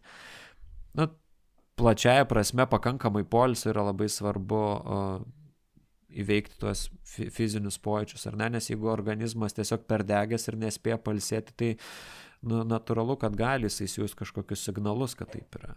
Mhm. Bet čia viso labo yra tokie pratimai, kaip sakyti, simptomo mažinimas. Vis tiek svarbiausia yra turbūt tyrinėti, kas tą stresą ir nerimą kelia. Nes ar aš renkuosi būti toje situacijoje ir tiesiog vat, malšinu tą simptomą, ar aš kažkaip dalyvauju toje situacijoje ir iešku ko pakeisti savyje ir galbūt toje aplinkoje, nes gali būti ir, ir ta įtampa kilti iš to, kaip aš viską matau, bet ir iš to, kokia yra aplinka. Mhm. Jo, čia kaip ir irgi dažnai psichologai visokias metaforas vartoja apie tai, ar aš gesinu gaisrą, ar ieškau, kas jį sukėlė, kad kitą kartą nekiltų gaisras, vėlgi tie skirtumai. Bet žinai, man norisi paminėti toks, man atrodo, visai svarbus dalykas. Atradau pasaulio sveikatos organizacijos puslapyje jų išskirtus tokius, nu, vat, streso prevencijos kiekvienam žmogui individualiai rekomendacijas. Iš esmės tai, ką Pasaulio sveikatos organizacija rekomenduoja, kas atrodo visai autoritetingas reikalas, nes rimčiausi mokslininkai ten susirenka. Tai aš man norisi visai juos paminėti ir čia toks visai platus reikalas. Tai pavyzdžiui, vienas iš dalykų, kaip galima užkirsti kelią stresui, tai yra e, nusimatyti e, tai, kas bus stresinėje situacijoje. Tai prasme, jeigu tai laukia kažkokio diplominio darbo, pavyzdžiui, gynimas, tai aha, kas ten bus, manęs paklaus klausimų, įsivaizduoti tą situaciją, ta prasme, ir e, ne per tai, kad ten įvyks nesėkmė kažkokia jaudinantis, bet labiau tokia, nu, vat, leisti savo numatyti. Ir tai veikia per tą kontrolės lokuso turėjimą ir tą numatymą. Tai, ką tu Vitalijau prieš tai paminėjai, kad nenumatytas stresas daug baisesnis mums negu prognozuojamas. Tai tas padeda. Kitas momentas - savęs stebėjimas, savistaba visi tie keiksmažodžiai mindfulness, relaksacijos, ten samoningumas ir visi šitie dalykai, kurie dabar yra ant bangos, tai tai iš tikrųjų padeda. Jeigu mes stebim savo kūno reakcijos, kas mus trigerina, tai yra, nu, kas mus dirgina, kokie stimulai mus, mums sukelia stresą ir mes labiau pažįstam ir tuo metu, čia ir dabar, toje sekundėje būname budrus, pavyzdžiui, ten, nežinau, prieš eidami į egzaminą laikyti, aha, aš pastebiu, kad mano šiek tiek delnai prakaituoja, pastebiu, kad kažkas kažkas ten skrandyje darosi, aha, aš nerimauju, suprantu, kad man kyla stresas. Jeigu aš tą pastebiu ir taip kažkaip sąmoningai reaguoju, tai kaip taisyklė padeda m, mm, tam streso lygiui mažėti. Tada kitas dalykas, ką išskiria PSO, tai sako, be positive. Čia toks viški iš po, po, po pozityviosios psichologijos, bet iš tiesų tai, tai yra toks patarimas, kuris e, kalba apie tai, kad e, kai mes laukiame stresinių situacijų, vertinga savo priminti, kad verčiau yra mąstyti apie sprendimo būdus, negu apie galimas problemų pasiekmes. Ta prasme, kad kaip, kas tame blogo vyks, bet kaip, kaip, kaip mes galime spręsti. Tai tas irgi per kontrolės lokusą e, grįžta. Tai dieta, subalansuota mytyba, tai ką irgi išskiria mankšta reguliari, irgi jie paminė. Tai tada yra labai svarbus aspektas, apie kurį mes visai nelėtėm. E, ir man atrodo, šio laikiniam žmogui tas ypatingai svarbu. Tai yra laiko planavimas. Laiko planavimas ir prioritetų išsiskirimas.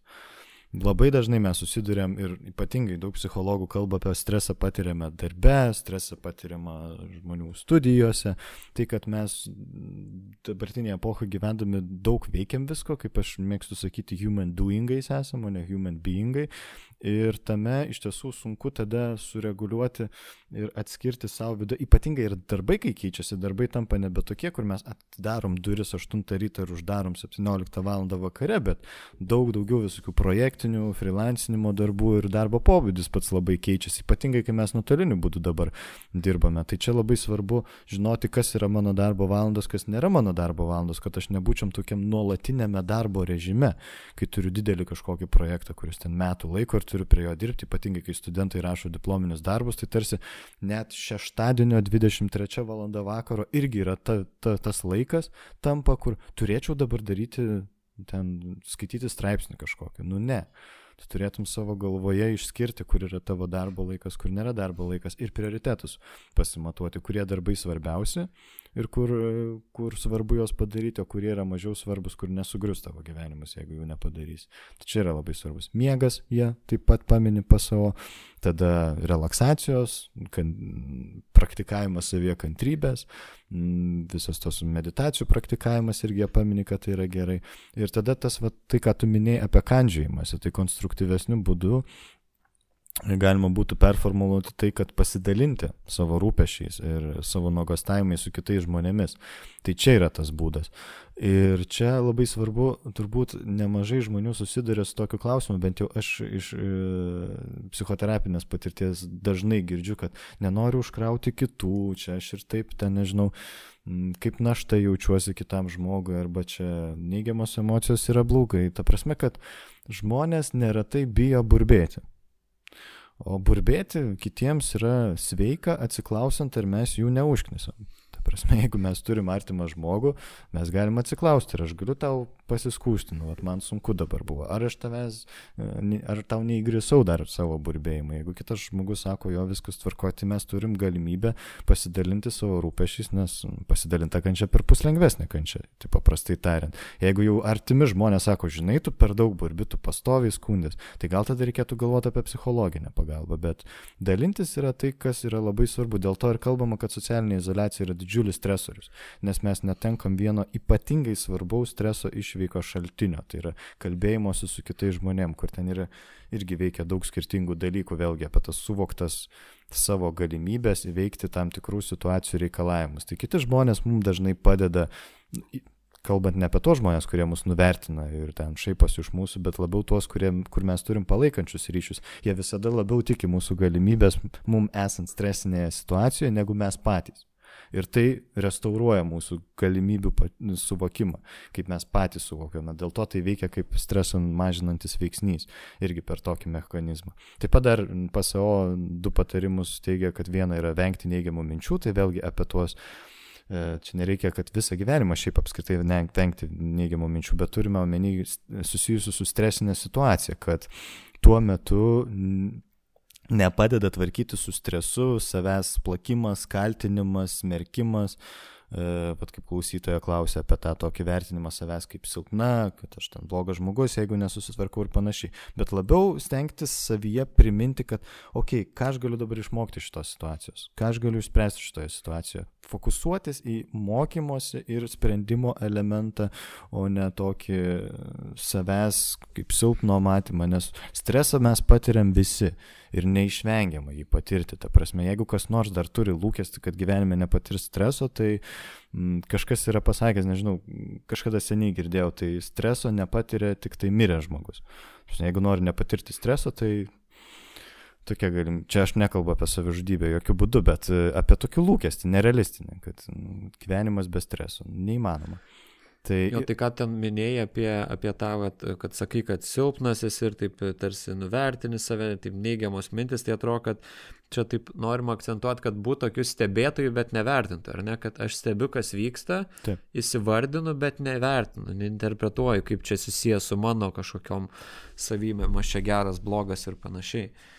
Jo, man tai apskritai atrodo, bet žinai, čia į platesnius vandenius labiau išeitumėm, čia gal ir atskirą epizodą verta tema. Uh, kas, man atrodo, vienas iš didelių tokių nu, vat, psichologinius sunkumus keliančių aspektų, kad e, iš terapinės patirties atrodo, kad žmonėm labai yra sunku susitikti su savimi tame, kame jie yra ir nežvelgti į save tarsi iš šalies. Dabar ką aš turiu menį? Jeigu aš stresuoju dėl kažkokio įvykio, tai susitikti su savim kaip besijaudinančiu, besirūpinančiu, bijančiu nesėkmės, bijančiu neklaidos, bijančiu klaidos kažkokios. Dažnai žmonės, nu, vat, dažnai žmonėm yra sunku pamatyti save, nu, vat, pavyzdžiui, nerimaujantį. Nes tarsi yra kažkokie įsitikinimai, kad aš turiu būti kitoks ir panašiai, ir aš tada žiūriu į save iš šalies, kad va, kiti tai su tuo susitvarko, tai aš nenormalus, jeigu taip e, reaguoju ir kažkas tokio, turėčiau būti kitoks. Ir tai yra toks, nu, va, tarsi kaip mama žiūri į vaiką ir ten kaip nors kritiškai jį vertina, neatsistodama ne jo batus, nepasižiūrėdama į emocinį pasaulį. Iš tos perspektyvos, kad, aha, tu dabar nerimauji, dėl ko nerimauji, mm, tu bijai, kad tu gali nesusitvarkyti, nu jo, suprantu, bijai, bet o ką tu galėtum padaryti su to ir taip toliau. Nu, toks kitoks šiek tiek susitikimas negu iš toks vertinantis iš šalies, kad tai yra negerai. Bet tiesiog paskutinį dar ką noriu pridėti, ką PSO išskyrė kaip rekomendacijos, tai yra vengti dažno alkoholio, nikotino ir kofeino vartojimo. Nes tai yra stimulantai, kurie didina vis tik stresą. Jo, ir ypač jeigu žmogus yra toks į nerimą linkęs, tai kofeino vartojimas tik tais dar padidins tą nerimą ir kai kuriais atvejais net gali trigerinti panikos priepolius, kuriuos vat, yra jautresnė ta simpatinė nervų sistema. Jo, tai atrodo labai nemažai vertingų patarimų. Šiaip kokią aš bendrą esu susidaręs tokį įspūdį, kad daug, daug žmonių tarsi žino, kaip tą stresą valyti, ar ne, tarsi tai, ką tu čia išvardinai, neskamba kaip kažkas wow, žiauri naujo. Taip, mhm. tikrai išgirdau keletą naujų elementų, bet tokie daugam jau visai suprantami dalykai, bet vis tiek kažkaip žmonės nesusitvarko su tuo, ar čia yra va tas subjektivumo elementas. Tai va, Tai kas vyksta manie, kad aš žinau, bet man vis tiek nepavyksta su tuo stresu susitvarkyti. Ir, vat, nu, psichologo kabinete iš, iš esmės ir vyksta tas tyrinėjimas to, to žmogiško demens. Tai kaip aš tame būnu, kodėl, vat, man nepavyksta galbūt to padaryti ar ano padaryti, kas galėtų man padėti. Jo. Su kiekvieno žinojimo teritorija vis besiplečiant jai plečiasi ir nežinojimo teritorijos riba, o toj nežinomoj teritorijai gali slypėti ir drakonai, bet ir lobis ir princesės. Jeigu taip iš mitologinės perspektyvos, iš tikrųjų, tame, ko mes nežinom, gali būti vertingi dalykai. Tai kai mes pasakom, žinau dėl ko, bet mums susitvarky, nepavyksta susitvarkyti, tai tikėtina, kad mūsų žinojimas ganėtinai ribotas. Kita vertus yra ir ta mintis senojo gerojo Freudo, kad nuo žinojimo iki pokyčio kelias yra labai ilgas. Ir išvalga žmogaus, tai yra supratimas sąmoningas, niekaip negarantuoja žmogaus elgesio ar savijautos pokyčio.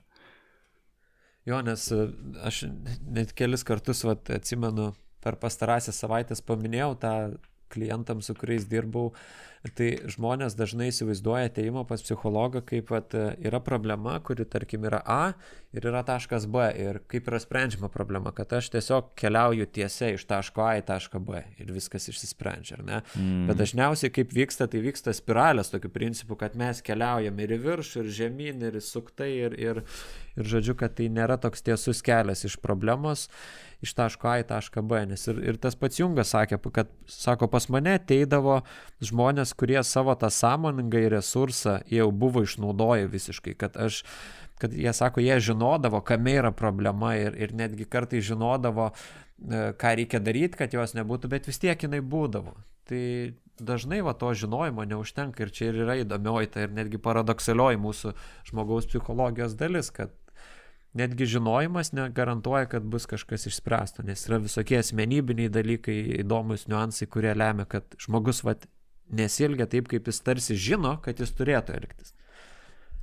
Jo, čia man, žinai, iškart išlenda į galvą mm, Dostojevskio užrašai iš pogrindžio, kuris tą tokį ganėtinai garsų vaizdinį pateikė apie žmogų, kuriam uh, tu gali duoti krištolo rūmus, patupdyti jį ten, duoti viską, ko jisai nori, kiekvieną jo troškimą patenkinti akimirksniu, kuris jam kyla, ten jį apipilti, nežinau, meduoliais, auksu ir kuo tik tai nori, ir jis vis tiek ras ką sulaužyti.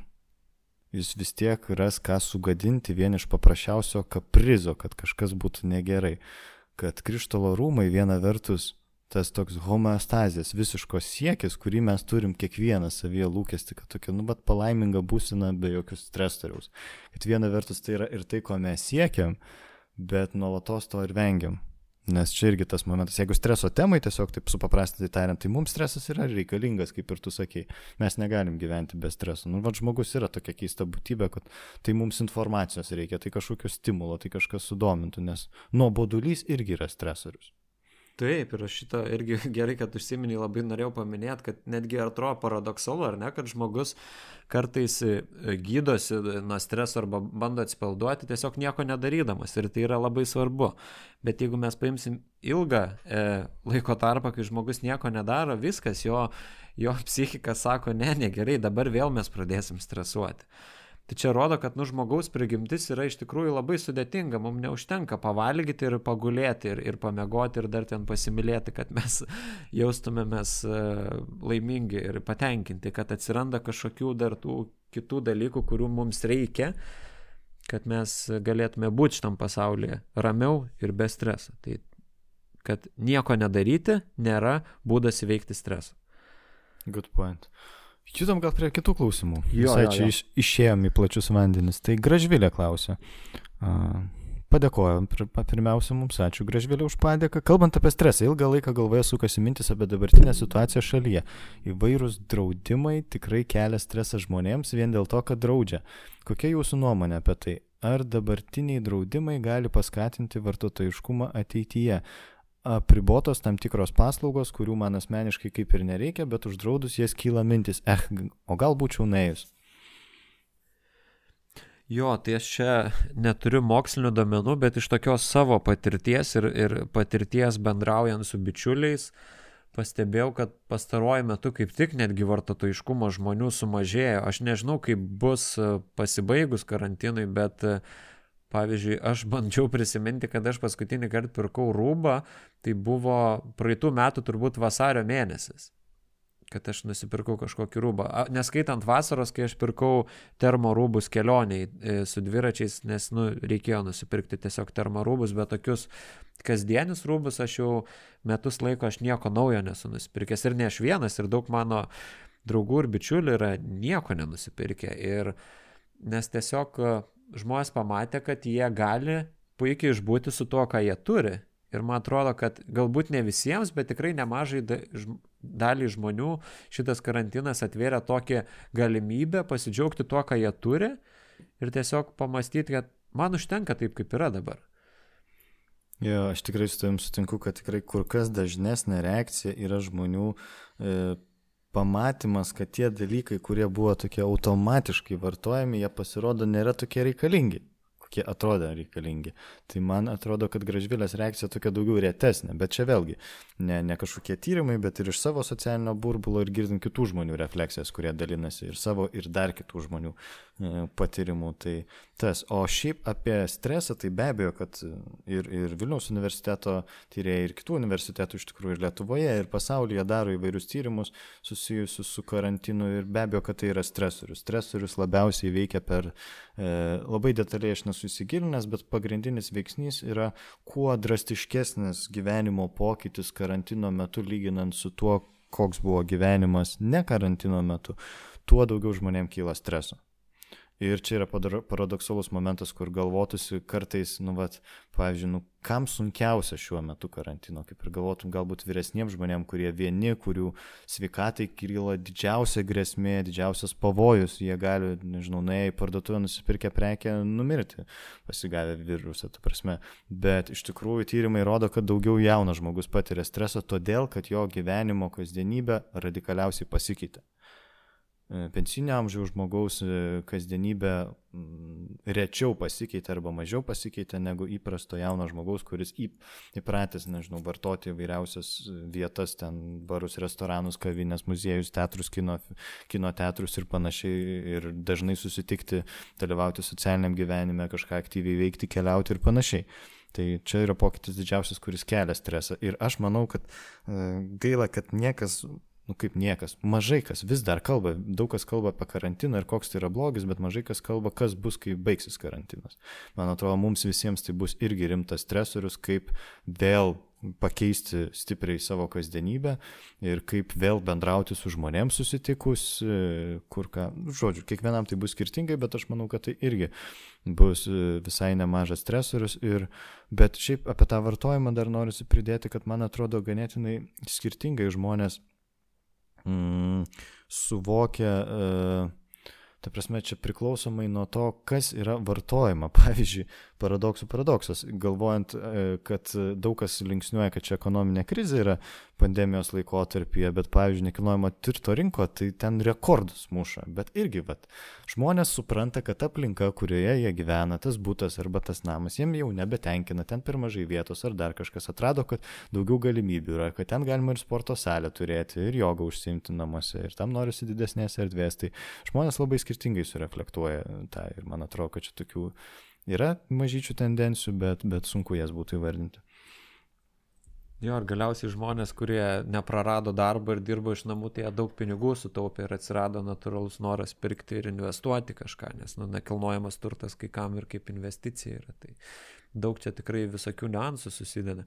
Ir prieš pat e, šitą epizodą aš kaip tik e, akis užmečiau į LRT vieną straipsnį, kur būtent buvo Eurobarometro duomenys apie lietuvių dabartinę tokią būseną ir, ir lūkesčius uh, susijusi su karantinu, tai šiaip jau didesnė dalis žmonių Lietuvoje gana pesimistiškai mato šiuo metu ateitį ir kad jie nelabai tiki, kad baigsis šitą pandemiją. Tai irgi na, tas toksai matymas, nematymas, kad situacija pagerės, e, irgi yra didelis stresorius, vat ko nepaminėjau už tų Sapolskio uh, punktų, kurie rodo, kas yra stresas ar kas padeda mažinti stresą, tai žinojimas, kad situacija gerėja, yra labai geras e, dalykas mažinanti stresą. Tai va, tos va, pesimistinės tokios mintis ir, ir nuostatos rodo, kad iš tikrųjų žmonės išgyvena dabar stresą ir kad tas stresas nu, nepasitrauks greitų metų, kol nepasimatys kažkokio akivaizdaus tokio stipraus ženklo, kad čia tikrai gerėja ir kad gyvenimas grįžtų į tokį, mm. koks jis prieš metus buvo.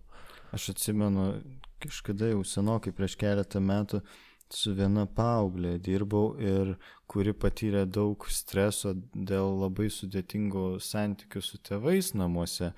Ir vien tas mano pasidalinimas, kad žinai, tau liko maždaug 2-3 metai ir tu išeisi iš tėvų namų. Ir tu gyvensi visai kitokį gyvenimą, visai kitoks tavo socialinis ratas bus. Tu būti susikursi tokia, kokią nori. Niekas tau nelieps to ir to. Tu galėsi pati susikurti su savo ritualus ir panašiai. Vien tas toks perspektyvos pakeitimas, iš esmės situacijoje niekas nepasikeitė. Jie labai stipriai sumažino streso lygį. Tai va čia labai geras pavyzdys iliustruojantis tą tokį, kad su, toks nu, vat, nujautimas arba matymas, kad situacija po kažkurio laiko gerės, yra tikrai stresą mažinantis veiksnys. Tas subjektivus pojūtis, kad gyvenimas gerėja plačiai prasme. Cool. Tai galim judėti tada prie kito klausimo. E, Gediminas e, klausė. Ne aš. Jo, ne, ne jisai. Kaip manote, ar teisinga būtų teikti, jog mokykla vienas iš didžiausių streso šaltinių paauglystėje? Jei taip, ar nevertėtų labiau susimastyti apie mokinius bei jų psichinę tiek fizinę būklę? Būklę pats pastebėjau, jog stresas priveda prie nemalonių pojūčių, tokių kaip galvos skausmas ir panašiai.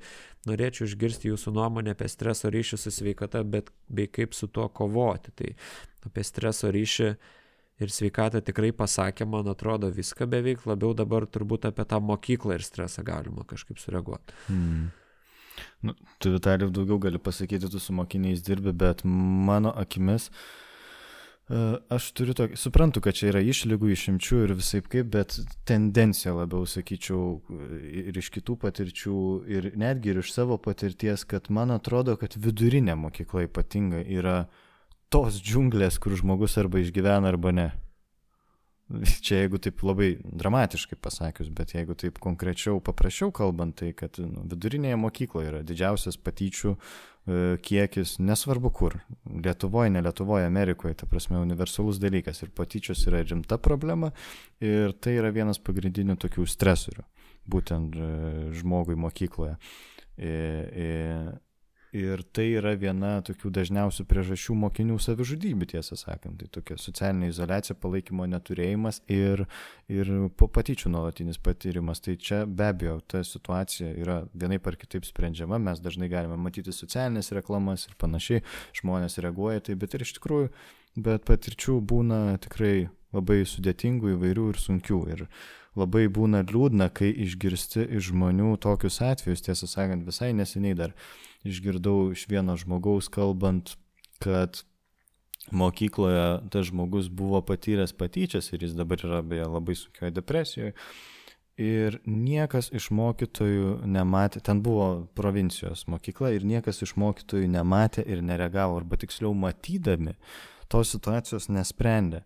Ir, ir maža to, kai tas žmogus, iš kurio šaipomasi, pratrūksta ir sako, kad nu, atstokit nuo manęs, nebelyskit ir kažką piktai padaro, tada būna dar mokytoja nubaudžiamas, kaip tu gali taip grubiai elgtis ir kalbėti.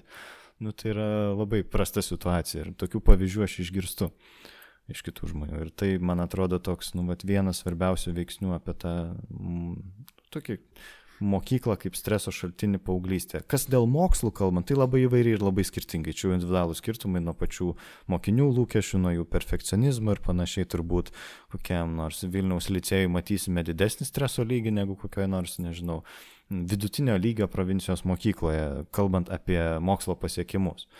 Nu, čia aš taip spėju, tendencijų tyrimų neskaičiau, bet nujaučiu. Tai mano gal toks būtų. Aš vakar kaip tik skaičiau vienai mokyklai paskaitą apie stresą ir ten kaip tik e, ir kėliau tą klausimą, va, iš tikrųjų skaitydamas gedimino klausimą ir įdėjau skaidrę į, į, į tą paskaitą, va, su tokiu filosofiniu klausimu, tai ar mokykla yra streso šaltinis vaikams ir, ir ten bandžiau ieškoti tokių argumentų, kurie ir patvirtina ir paneigia tą. Mm šitą teiginį, tai man atrodo, kad pati savaime nu mokykla nėra kažkoks didžiulis blogis, bet labai tai priklauso nuo mokyklos bendruomenės ir aplinkos ir, ir pačių žmonių, kurie yra toj mokykloje, nes aš pats vat, mokiausi ir vidurinėje mokykloje aštuonis metus, kuri buvo labai pavyzdinė mokykla ir pirmi metai buvo visiškai puikus, iš esmės vien geri patyrimai. Paskui ta mokykla labai degradavo ir atsirado gaujos mokyklai visokios ir, ir tada ten, e, atsimenu, man buvo irgi toks stresas, kad aš ten būdamas šeštokas aš kuprinį peilį nešiojaus, nes man atrodė, kad aš toks saugesnis būsiu, man mm. nei kartą aš to peilio neišsitraukiau, bet man kažkokį tokį iliuzinį saugumą sutikė.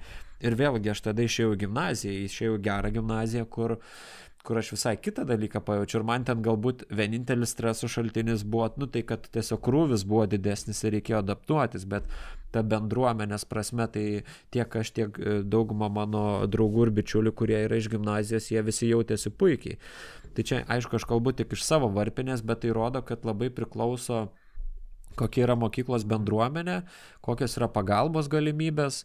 At ką tu Gediminai minėjai apie tas provincijos mokyklas, tai ten dažnai psichologų iš tikrųjų net nėra, nes atlyginimų pasiūlyti psichologams e, nelabai turi galimybių didelių, o kažkas važinėti į, į rajono užkab, užkabarius nelabai ir nori. Tai ir gaunas tokia va situacija, kad ar ne yra susidaro daug tokių probleminių uh, mokinių, šeimų ir, ir, ir tada susidaro kritinė masė uh, tų, tos uh, tų mokinių, kurie yra tie Hellraiseriai vadinami, kurie kelia šaršalą mokykloje ir nebėra tų, kurie kurie kaip tik slopina. Ir va, tas labai pasijūtė va, gimnazijai, kai tu ateini iš e, tokios mokyklos, kur yra pilna Hellraiserių gimnazija ir tu pamatai, kad taip, tu gali pabūti tuo Hellraiseriu, bet niekas tenais tavęs nepastebės ir netgi pizdy gausi už tai.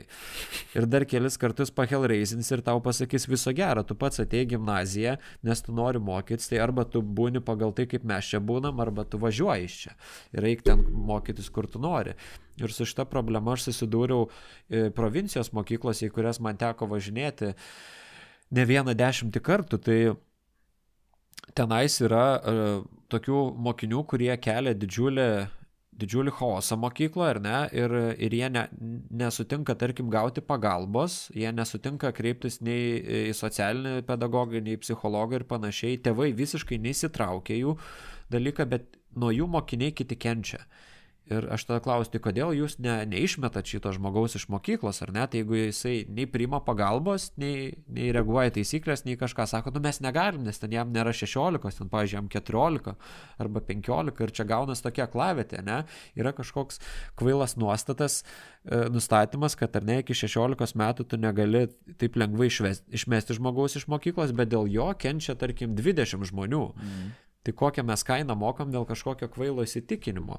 Aišku, yra labai skaudu matyti, kai, kad žmonės taip elgesi ir kad e, norisi suteikti jiems pagalbą. Dėl to, kad, e, na, kad tu, tu pats tiki kaip specialistas, kad yra viltis, kad tas žmogus gali pasikeisti, kad jis gali pamatyti, kad galima kitaip elgtis, bet jis to nepriema ir tada reikia tokį žiaurų sprendimą priimti, tai geriau atimti galimybę tam žmogui, kad kažkaip uh, tobulėti ir, ir išsispręs problemas vardant to, kad kiti 20 nekentėtų. Nes gal jam vat, šitas sukretimas padės kažkaip susivokti. Aš aišku, kalbu, tai ne, neatstovauju čia kažkokios nuomonės ten mokyklos psichologo ar apskritai švietimo specialistų, kaip teisingai elgtis, aš čia labiau papasakau, koks man jausmas kyla, nes toks kyla bejėgystės jausmas, kad yra, yra Hellraiseriai ir jie, ir jie kelia šaršalą ir kenčia nuo jų, bet, bet mes niekaip negalim padėti tada. Mhm.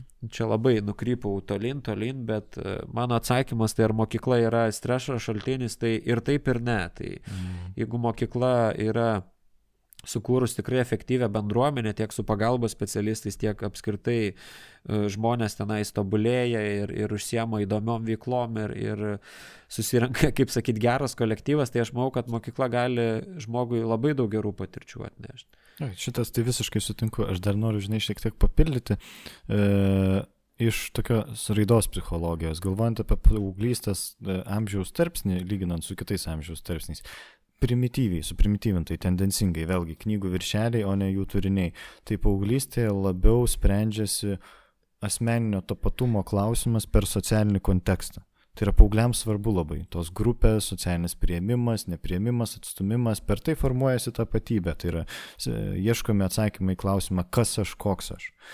Ir, ir ten ypatingai aktualūs visi tie klišiniai pasakymai, kaip pasaky, kas tavo draugai, pasakysiu, kas tu esi ir panašiai. Ir dėl to, kadangi tai yra labai tokia aktyvi ir kasdienė, intensyvi socialinė aplinka mokykla ir jeigu ten egzistuoja visokie stresoriai, ten kaip patyčios, kurios gali būti ir išmokyti šiaip, arba, arba kažkoks palaikymas, tai tai turi labai didelę įtaką. Vėlgi, kaip tu minėjai, tiek į gerąją pusę, jeigu tai yra geros sąlygos, tai žmogui gali labai padėti to patumai formuotis ir jam aukti ir, ir, ir, ir žodžiu, bręsti. O jeigu tai yra tokios stresinės sąlygos, tai dėl to gali labai stipriai žaloti dėl to, kad tuo metu žmogus tame amžiaus tarpsnėje yra labiau labiau pažeidžiamas socialiniam tokiem, nu, socialiniam spaudimui. Žmogui, kuriam yra 40 metų, jeigu kažkam, kažkas jam pasakys, žinai, tavo nosis per didelė, nu jam dzin bus aš žinau, kokia mano nosis, nu čia irgi iš bendros taisyklės. Jeigu, vat, 13 metų merginai kažkas pasakytų, tai tavo nosis ten per didelė, tai gali rimtas pasiekmes turėti. Tai gal tą norėjus dar pridėti ne tik apie mokyklą, bet ir žmonės, kokio amžiaus jie būna tame. Jo, tai manau labai, labai e, čia vietų ir laiko e, tokį apibendrinimo ir, ir, ir idėjai naujos informacijos.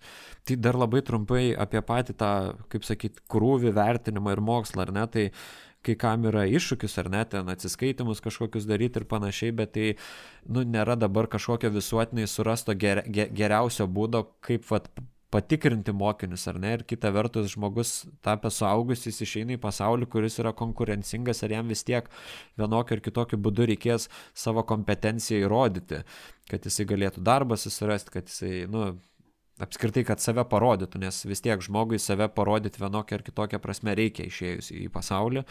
Tai, e, tai šitoj vietoj normalu, kad susidurime su kažkiek streso ir įtampos, bet tai yra kaip būdas, na, tiesiog mokyti susidurti su tais iššūkiais, nes jeigu vaiką auginsi šiltnamio sąlygomis, tai jisai labai greitai palūš išėjęs e, į realų gyvenimą ir mes tą matom jau ir dabar Amerikos kai kuriuose koledžuose ir universitetuose, kai atsiranda ta snowflake'ų karta, kurie užauginti tų helicopter parents, kurie pernelyg rūpinosi ir neleido įveikti iššūkių ir jam vat, netgi kitos nuomonės išsakymas jau atrodo viskas, dangus griuvo kaip per tą pasaką, kur užkrito lapas e, kopūsta, bet atrodo, kad visas pasaulis sugriuvo. Ai, patiko man tavo atsakymas. Judam toliau gal. Jo. Eglė klausia. Kaip susidoroti su stresu, kurį kelia ateitis? Pavyzdžiui, šį mėnesį pagrindiniai mano stresoriai buvo egzaminai ir bakalauro gynimas. Išlaikius egzaminus ir apsigynus bakalaurą, sveikinu Eglę, stresas ir įtampa vis tiek nedingo. E, dabar labiausiai jaudinuosi dėl dalykų, kurie yra tik tolimoje ateityje. Pavyzdžiui, kur stoti į magistrą ir taip toliau. Amžinai vienas stresorius keičia kitą ir stresuoju non-stop.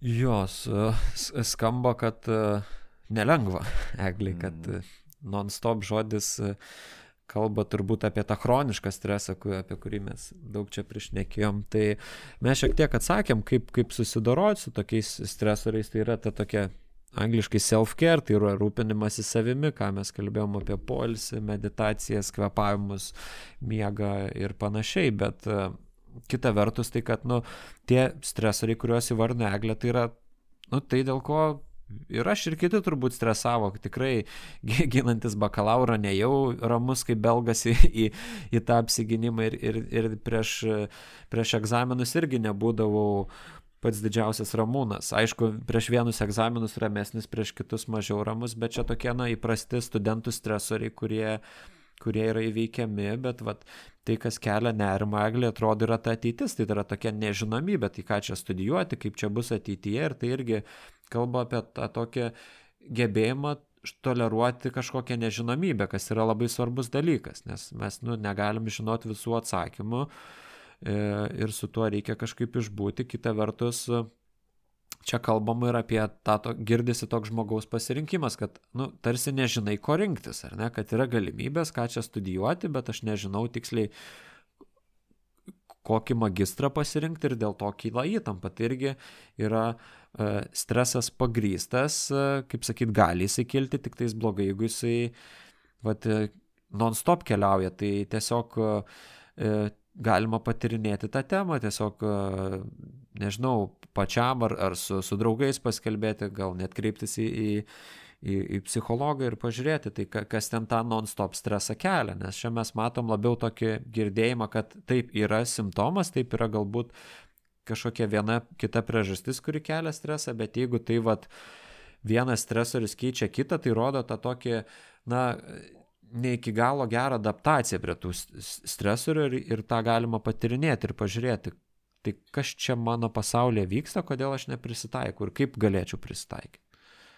Visiškai pritariu tau ir nesikartodamas kitų kampų noriu sureaguoti. E, Prieš kelias dienas žiūrėjau filmą 45 metai, berots taip vadinasi, ten apie tokių galbūt 70-80 metų poros 45 mečio jų sukoktuvių ruošimasi ir ten buvo jau šventėje tas vyras, sa- sakydamas kalbą, Taip atrodo, man bent jau tas filmas labai stipriai buvo apie tai, ne tiek apie santykį, ten buvo tokių mm, šalutinių s- scenarijų, su linijų tokių, bet man buvo visas filmas apie tokį vedimą prie žinutės, kai savo kalboje, ten jau senas drebantis, mm, sakė e, tokius žodžius, kad, nu, vad, kai gyveni senas, ten kasdienybėj padarai vieną dalyką, kitą dalyką ir tai kažkaip nėra taip svarbu tenai, arba diena būna labiau geresnė arba mažiau geresnė.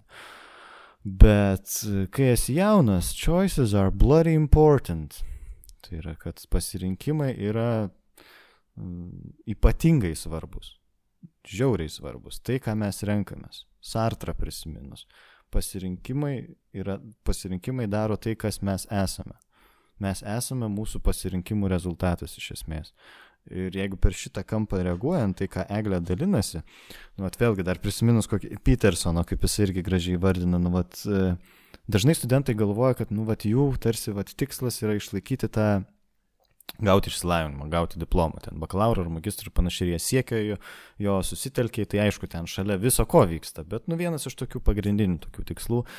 Ir staiga jie pasiekė, ten diplomų įteikimas, jie džiaugiasi ir tokia, tarsi, o įvykdžiau, aš stiprus, gerai, ir tada ateina kita diena. Ir kas būna kita diena? Jos užklumpa dvigubą nelaimę. Užgriuva visi klausimai, o tai kas dabar? O tai kas toliau? O tai kaip aš noriu gyventi savo gyvenimą? O tai ką dabar aš rinksiuosi? ar tikrai šitas diplomas ir šitas išsilavinimas yra tas, kurio norėjau, ar tikrai aš investavau savo šešis metus gyvenimo teisingai. Ir daugybė, daugybė kitų klausimų, ką neretai linksniuojama dabar kaip ketvirčio amžiaus krizė, po psichologijos terminas vienas ir kad, ta prasme, tai iš tikrųjų iš, išklumpa labai rimti klausimai ir jie yra svarūs klausimai. Tai gal man norėjosi labiau sureaguoti iš tos perspektyvos, kad labai natūralu yra rūpintis ir jaudintis tokiais pasirinkimais. Galbūt būtų perdėta galvoti, kad tie pasirinkimai būtų tokie lemiami. Tu prasme, netgi žmonės, kurie ten pabaigia, apsigina magistro diplomus specialybėj, kur vėliau supranta, kad visai ne ta specialybė, kurios nenori, 50 metų pats keičia specialybę ir, ir būna tuo visai patenkinti. Aišku, tai kelia papildomų sunkumų, bet ta prasme nėra, nėra tokių, nu kaip nėra. Retas mūsų pasirinkimas yra toks fatališkas, kaip mums atrodo, bet kita vertus jie yra ir labai reikšmingi. Tai man atrodo, kad rūpintis dėl jų yra svarbu, bet kai mes vaizduotėje galvojame, kad jeigu kažką pasirinksiu ir tada šakės, viskas, tai yra nuosprendis visam gyvenimui, kas neretai būna, dėl ko aš apie tai kalbu, nes neretai žmonės taip įsivaizduoja, tai tas yra tikrai didelis stresorius. Jo, tai sutinku tikrai su tuo, ką pasakėjai, gražus pavyzdys.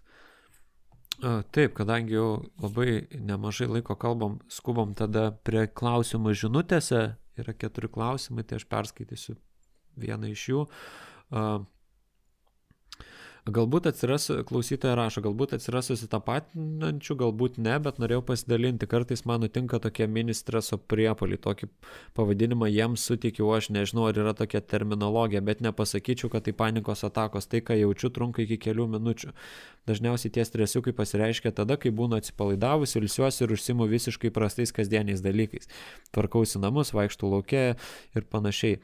Tais momentais pajuntu žaibišką be jokio tiesioginio dirgiklio atsiradusi stresą, tokį pilvo kutenimą, kuris nuo skrandžio atrodo pasiekia gerklę, jie kiek suspaudžia, kurį laiką jaučiu tvinksėjimą, bet po kelių minučių šis pojūtis nuslūksta.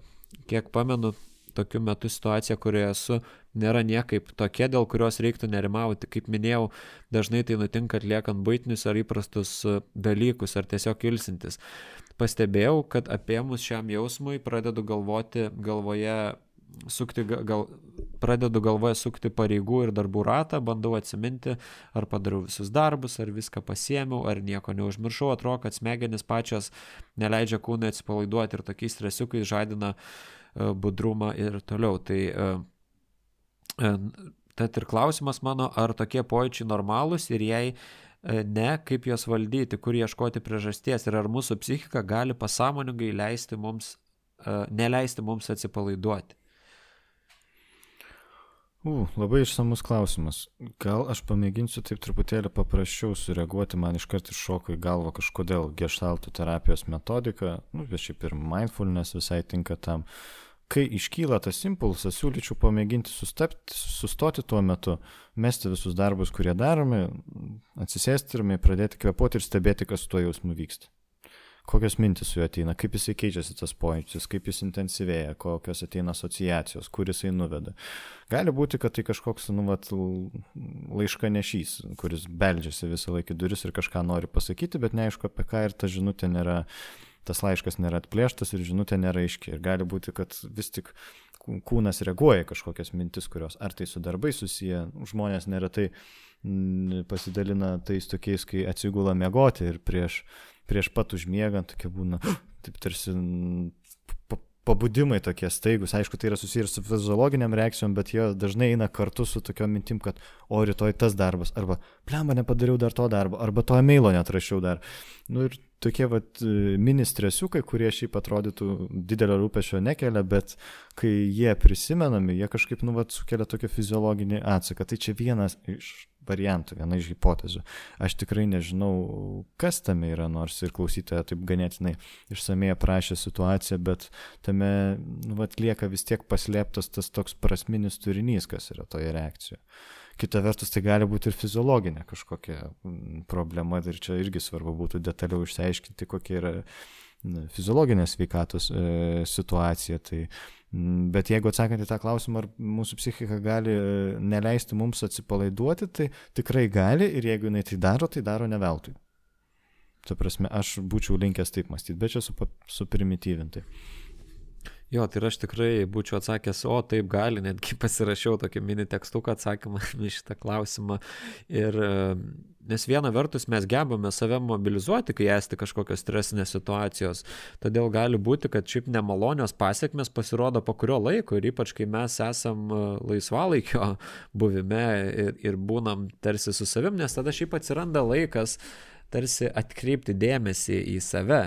Ir e, jeigu pažiūrėsim, E, tokį dalyką, kad jeigu mes e, labai sutelksim dėmesį į kažkokią kūno vietą, tai gali net atsirasti ten toj kūno vietai pojūčių visokiausių. Tai tas mūsų dėmesingumas ir, ir ta galimybė pabūti su savimi ir, atra, e, kaip sakyt, nutėse kelią ir tiem nemaloniem pojūčiam, kurie buvo šiek tiek užgniaušti kai mes susidūrėm su ta stresinė situacija. Ir kai aš skaičiau šitą klausytojos e, klausimą, tai aš prisiminiau prieš keliarius metus skaitytą tokį straipsnį viename iš žurnalų, tai dabar aš jį vėl susiradau, ten buvo The Cut žurnalas ir ten buvo straipsnis, toks interviu formatas apie žmonės, kurie patiria nerimą ir ypač fizinius nerimo simptomus ir taip pat gydytojai ten psichiatrai atreaguodavo į, į visokius pasidalinimus ir ten labai gražiai viena uh, nerimo sutrikimą turinti moteris rašė, kad uh, vienas iš nerimo bruožų yra jausmas, kad turi padaryti kažkokius svarbius dalykus. Ir gydytojas į tai vat, atreagavo, kad e, pacientai dažnai pastebi, kas vyksta kūne, bet ne tai, kas vyksta mintise. Ir, mm. ir iš to vat, pastebėjimo gražiai išplaukia, kad vat, kaip tai yra susiję, ar ne, kad yra jausmas kažkoks, ar ne, tarsi kyla atsakomybės jausmas, kad aš turiu padaryti kažką svarbaus, netgi tada, kai aš bandau atsipalaiduoti. Ir va ta mintis va, gali netgi nuvesti ir prie tų pojūčių visokiausių nuo malonių. Tai, tai irgi tikrai taip gali būti, kad va, pasąmoningam lygmenį mes neleidžiam savo atsipalaiduoti ir tas jausmas, kad visą laiką reikia kažką padaryti, jis tik tikrai gali sukelti nemažai nerimo ir kartais tas nerimas pirmiausia per kūną pasirodo, tik paskui per mintis. Jo, tai vėlgi svarbi ta žinutė. Tik dar pridėsiu, kad ta žinutė gali būti ir iš praeities. Jeigu mes prieš tai buvome kažkokiose labai svarbiose aplinkybėse ir labai gerai susitvarkėm, mūsų psichinės gynybos labai gerai veikia, tas atsakas gali būti užvėluotas, kad mes vėliau išgyvenam, kitaip tariant, pasyvėja ta emocija. Tai yra daug retesnis dalykas, dažniau tai vėlgi nurodo į tai, kas yra spręstina, negu tai, kas buvo išspręsta, su kuo buvo susidorota, bet tiesiog gali būti ir taip. Tai judam prie kito klausimo. Taip. Mm, klausytojas klausė, būna ankstyvų rytų, gerokai iki žadintuvo, kai atsibundu su stresinėmis mintimis apie darbus, darbinius susitikimus, ypač tuomet, kai turiu ištoleruoti didesnį nežinomybę, kontrolės nebuvimą. Geri aspektai kalbėjom apie juos, kad jie kelia stresą. Racionaliame lygmenyje suprantu, kad visa tai neverta streso ir nemigos veikatos kaina. Tuomet save rimdau giliau pakvepuodamas ir ar palaikydamas afirmacijomis. Bet kitą rytą gali laukti vėl ta pati grandinėlė. Gal turite rekomendacijų įžvalgų? Jo, tai, uh, tai vat, labai iš tikrųjų toks netgi vadovėlinis, galima sakyti, gražus pavyzdys, kaip vat, stresas veikia žmogaus organizmą, ar ne, kad ir sutrinka miegas ir atsiranda visokios mintis ir tarsi jos neracionalios, bet vis tiek vat, veikia mūsų organizmas ir uh, Tai, ką klausytojas daro, tai jisai, vat, nu, sako, palaiko afirmacijomis, tai ar ne kažkokie patvirtinimai, kad tai čia viskas bus gerai, kad čia ir panašiai, kaip aš suprantu, kas yra informacijos ir kvepavimo pratimai, bet va tai, va, kaip tu sakai, tai gesina gaisrą, bet nežiūri, kas tą gaisrą uždegė.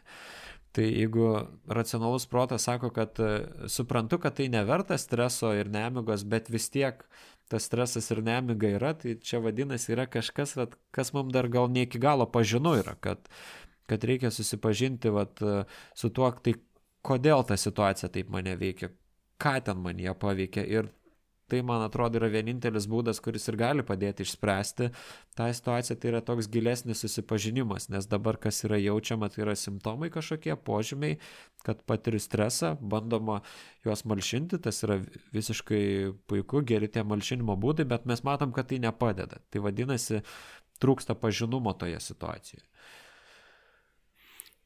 Aš gal atsakysiu trumpai ir labai paprastai patarimu nestandartiška psichologui taip atsakinėti, bet yra vienas geras patyrimas, kadangi klausytojo klausimas labai yra apie laukiamus darbus, darbinius susitikimus ir su tuo susijusią nežinę.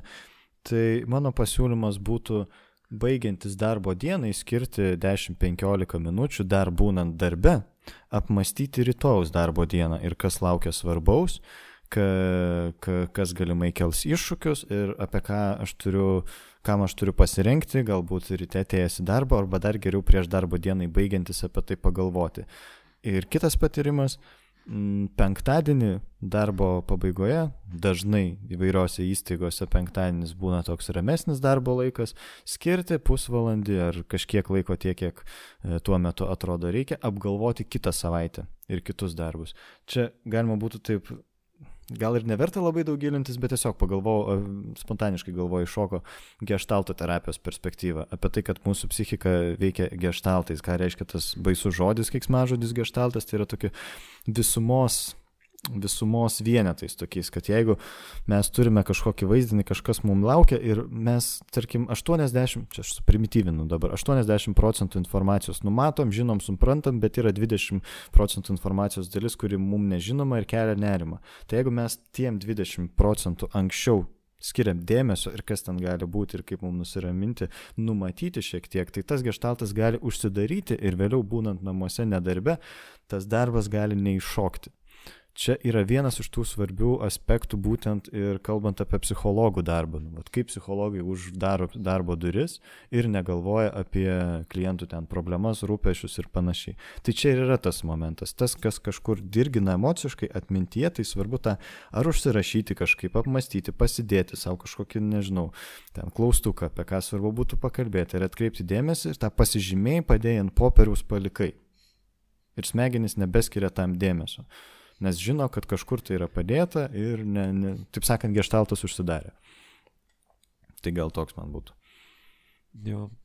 Ir dar noriu pasakyti, kad e, tikrai dabar yra nemažai iššūkių e, pandemijos kontekste dirbant iš namų e, padaryti tą skirtį tarp darbo ir, ir savo gyvenimo, nes viskas virto vienoje erdvėje vykstančių uh, spektaklių, jeigu galima tai pasakyti. Ir, ir tikrai ne, ne vienas žmogus man irgi yra užsiminęs dirbant, kad, na, tikrai, va, sunku pailsėti, atrodo, baigėsi darbas, bet, va, nepailsi, nes tu ilsiesi ir būni ten pat, kur tu ką tik praleidai visą dieną prie darbo. Ir mm.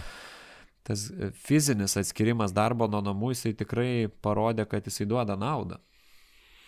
Jo, žinai, dar ką noriu paminėti, dabar pamačiau, kad buvau pasižymėjęs savo, man atrodo, kad tai yra labai svarbi potėmė streso temoje, tai apie tą gebėjimą pasakyti ne. Ir ypatingai darbinėje aplinkoje, tai prasme, trumpai pamėginsiu sureaguoti. Bendra tendencija. Tas arklys, kuris patempia, ant to galima ir krauti.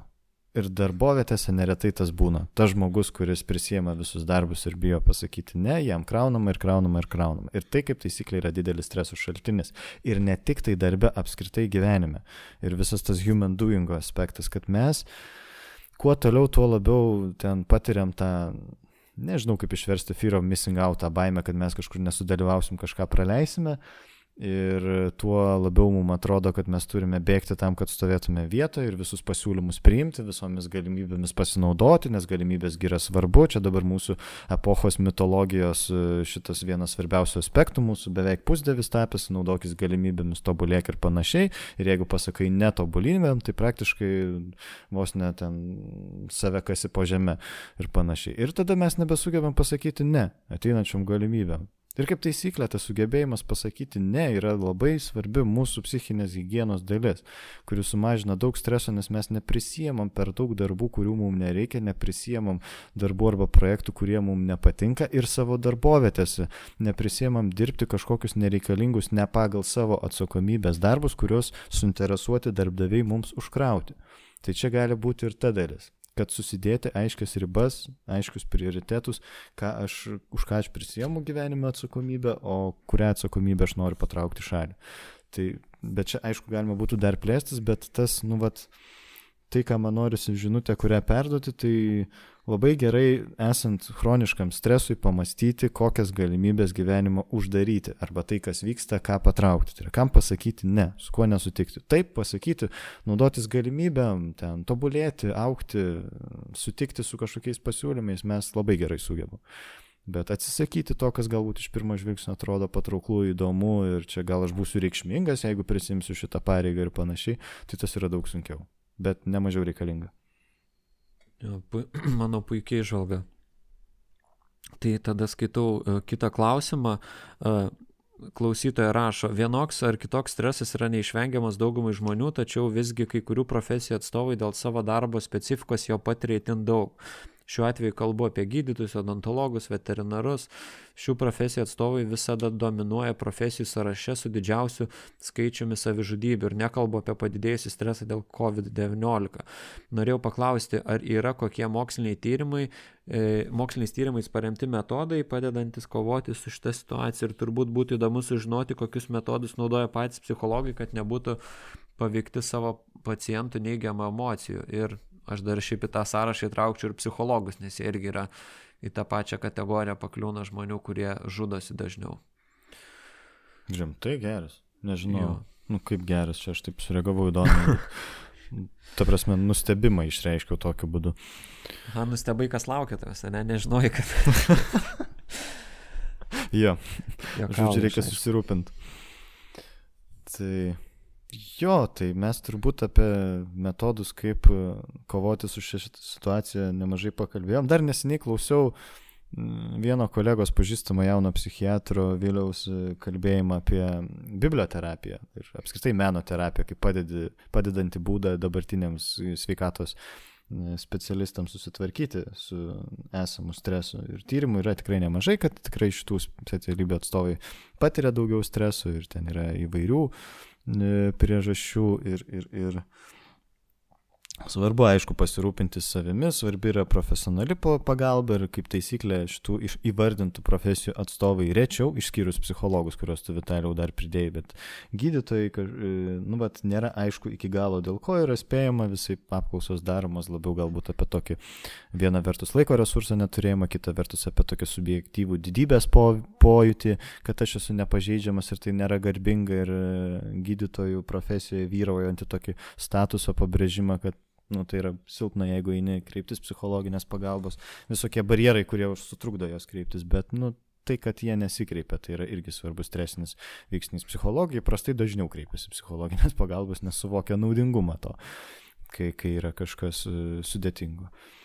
Tai o apie patys psichologai, kaip, kaip bando būti nepaveiki, nepaveikiami e, ten pacientų, klientų neigiamų emocijų, kaip e, klausytoja klausė, tai uh, Atsakysiu galbūt labai trumpai, perdodamas tiesiog Vitalijau tau žodį, kad tam ir reikalinga asmeninė terapija. Tai, kas mus paveikia, tai ne tie kitų žmonių išgyvenimai, bet kitų žmonių išgyvenimai, kurie sukelia mums mūsų jautrius išgyvenimus ir mūsų skaudančias vietas sužadina ir jos vėl pradeda puliuoti, užgauna mūsų vidinės stygas. Dėl to psichologams labai svarbu savo tas jautrias vietas pažinoti ir mokėti apsėti su jom. Dėl to reikalinga ir asmeninė terapija ir supervizijos, ką psichologai daro, jeigu nedaro, tai negerai daro.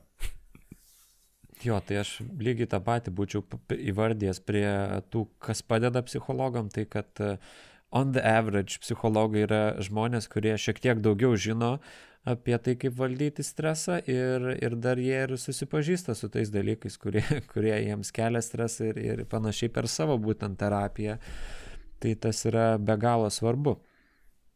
O kalbant apie gydytojus, tai turbūt ir skirtingi gydytojai skirtingai stresą patiria, turbūt ten kokiam terapiniam skyriui, kur ten, nežinau, tiesiog dirba gydytojas kabinete, priima pacientus, apžiūri, išrašo vaistus, yra vienoks streso kiekis, o visai kitoks gydytojas, kuris dirba primamajam, kuriame dažnai ten tarp uh, mirties ir gyvybės viskas kabo. Ir tai labai, labai paprasta paaiškinti, ar ne, kai, kai tu tiesiog kažkokią rutininę lygą padedi prižiūrėti žmogui, kažkokią lėtinę lygą ir visai kitaip, kai kiekvieną minutę nuo tavo sprendimo priklauso, ar žmogus gyvens ar mirs. Tai ir dabar bijau sumeluoti, ar ciniškas chirurgas, ar, ar kažkuris kitas iš tų gydytojų blogo, blogerių rašė e, būtent apie tas e, koronarinės širdies lygas ir visus kitus dalykus, būtent apie gydytojus, kurie dirba primamajam, ant kiek tai yra, ant kiek tie žmonės miršta anksčiau ir kaip jos suėda visas tas stresas. Tai uh, viena vertus jau pati specialybė, pasirinkti gydytojo specialybę, tu turi suvokti, ar ne, kad tu susidursi su visai kitokio pobūdžio stresu, negu tu susidurtum dirbdamas ofise ir, ir, ir kad tu susidursi ir su mirtim e, ir, ir panašiai. Tai tas turbūt renkantis profesiją lemia kažkiek žmogaus pasirinkimą, ar ne, kad aš esu tarsi pasiryžęs būti vat tokiame, tokiame darbe, kita vertus tai yra labai svarbu, ką, ką tu sakai gėdiminai, tai mažinti stigmą, kad e, nebūtų tos didybės kreiptis e, pagalbos ir tai labai svarbu, vat va mes e,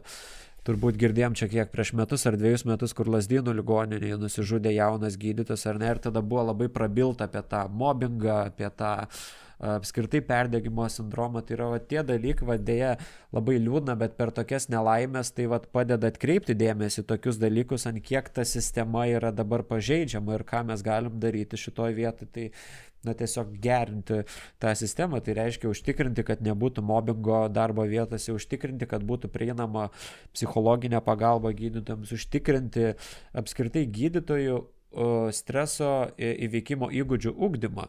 Nes yra klausimas, ar ne kiek gydytojai, kiek ruošiant gydytojus juos yra mokama e, dylinti su stresu, kiek tai apsieina tiesiog na, medicininiam paprastom žiniom, nes tas yra be galo svarbu taip pat darbo polisio režimo derinimą, ar ne, nes turbūt vienaip žmogus patiria stresą, kai jis dirba 8 valandas per dieną ir kitaip gydytojas, kuris visą parą atbūti.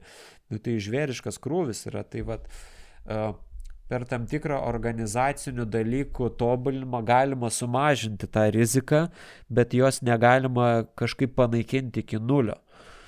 Tai tie, tai vad, ko, ko klausytoja ir klausia, ar yra kažkokie moksliniai tyrimai, paremti metodai, tai ir yra tiesiog, na, darbinių situacijų gerimas, mikroklimato gerimas, galimybė gauti psichologinę pagalbą ir panašiai, kas, kas gali padėti, vad, sudylinti su, to, su tom stresiniam situacijom. Jo, bet čia tokia kompleksinė problema, kuri turbūt prasideda nuo kiekvieno medicinos studento pirmo kurso suolo ir pasibaigia jau būnant gydytojų kiekvienoje situacijoje kylančios minties apie save ir tą situaciją. Tai prasme, visą aprepinti problema ir iš tikrųjų tokia spręstina vieta, ypač Lietuvoje. Bet judam prie kito klausimo. Paskutinis Gerai. klausimas turbūt, Taip. kurį turime, ar ne? Pastaruoju metu darbę patiriu stresą dėl savo kolegės. Bendrauja su manimi lik puldama, kandžiai neprimdama, nepriema mano klaidų, nors ir darbą atlieku pirmą kartą. Kai peržengiamos ribos, tą jai ir pasakau ir tą dieną bendrauja kitaip. Tačiau vis tiek jaučiu pasyvę agresiją, kas nėra malonu. Suprantu, kad jos toks bendravimas yra jos vidinio pasaulio išraiška, tačiau kaip man su tuo tvarkytis. Darbas man patinka ir savo klaidas priimu kaip reikalingas torbulėjimai. Ar vertėtų kažkur kreiptis? Po skriptum tiesioginė vadovė su jie gerai sutarė. Nu jo, čia tas e, keblus, keblus klausimas, ta prasme, kad, na, matom, kad ne viskas nuo mūsų priklauso, kad aplinkoje, kurioje būnam, yra žmonių, kurie, vat, yra tie hellraiseriai vadinami, ar ne, kur, kurie gali savo natūrai būti nemėly būti su jais ir ką vat, klausytoja pa, pa, pasakė, kad vat, kai peržengiamos ribos e, pasako, tai yra nu, vienas iš pagrindinių būdų tokiuose situacijose ir yra parodyti savo ribas tvirtai ir parodyti, kad, nu, kad aš matau, kaip tu elgiesi ir, ir aš reaguoju tai ir o jinai sako, kad veikia, tačiau po kelių dienų ta, tas vėl grįžta. Tai pirmiausia, aišku, galima kalbėti su, su tuo pačiu žmogum ir, ir sakyti, tai klausyk, tai kas čia vyksta, ar ne. Kitas dalykas yra kažkiek ir, ir to stoiško matymo situacijos matyti, ar ne, tai kas nuo manęs priklauso ir kas nuo manęs nepriklauso. Tai nu, mes pačio žmogaus vis tiek nepakeisim, bet mes galim galbūt keisti šiek tiek santyki su juo arba bent jau dažnumą, kaip mes dažnai su juo bendraujam. Ir tai atrodo, na, tokie pagrindiniai būdai, kaip galima reaguoti tą situaciją. Aišku, jeigu tai užsitęs ilgą laiką, tai e, natūralu, kad šiaip darbe kilo konfliktų ko, kokie kolektyvai be jokių konfliktų visada gali kažko ten nuvykti, ar ne? Ir turbūt klausimas, kaip va tokie konfliktai darbovietėje sprendžiami, ar ne? Ar yra kažkaip numatyta, ką daryti, jeigu va darbuotojas tai pasijunta. Ir čia yra darbovietės atsakomybė ir jeigu dar ten yra, nežinau, organizacinis psichologas toj darbovietėje, tai galima tikrai, manau, kreiptis į, į, į, į tą specialistą ir, ir tiesiog aptarti tą situaciją, nes nu, turi būti kažkokie konfliktų sprendimo būdai nustatyti. Mhm. Jo, man tai kita vertus norisi kalbėti ir paties žmogaus e, atsakomybę būnant toje situacijoje. Ta prasme, kad e, man patiko tas sakinys, kur klausytoja informuoja apie tas ribas, kad nepatinka, kad taip bendrauja ir tada tą dieną kažkaip ta kolegė kitaip reikia koreguoja savo elgesį, taip sakant, ar bendravimo būdą. Tai nu, neretai žmonėms reikia ne vieną, ir ne du, ir ne keliolika kartų priminti, kad jų elgesys pasikeistų ilgajam laikotarpiu. Tai čia vienas iš dalykų. Nežinau, galbūt tas jau ir išbandytas. Kitas momentas, kuris man ateina į galvą, tai pirmą reaguoti rimtai, ta prasme, kad, ei, klausyk, man nepatinka, tai kartojas, čia yra problema ir man tai trukdo dirbti, kažkaip taip drąsiai įvardinti. Kitas būdas, dar viena alternatyva, per humorą reaguoti. Nu taip, ačiū, žinau, kad aš esu labai blogas žmogus, taip. Taip, dėkui, kad priminiai. Ar dar kokia nors, nu, tokia absurdiška reakcija, kad nu, tiesiog neutralizuojant ir ne, ne, ne, nežebent konfliktą. Skirtingiams žmonėms skirtingi dalykai gali suveikti, bet taip pat aš mm, pritariu tavo Vitarijų minčiai apie tai, kad nu, ne viskas nuo mūsų priklauso.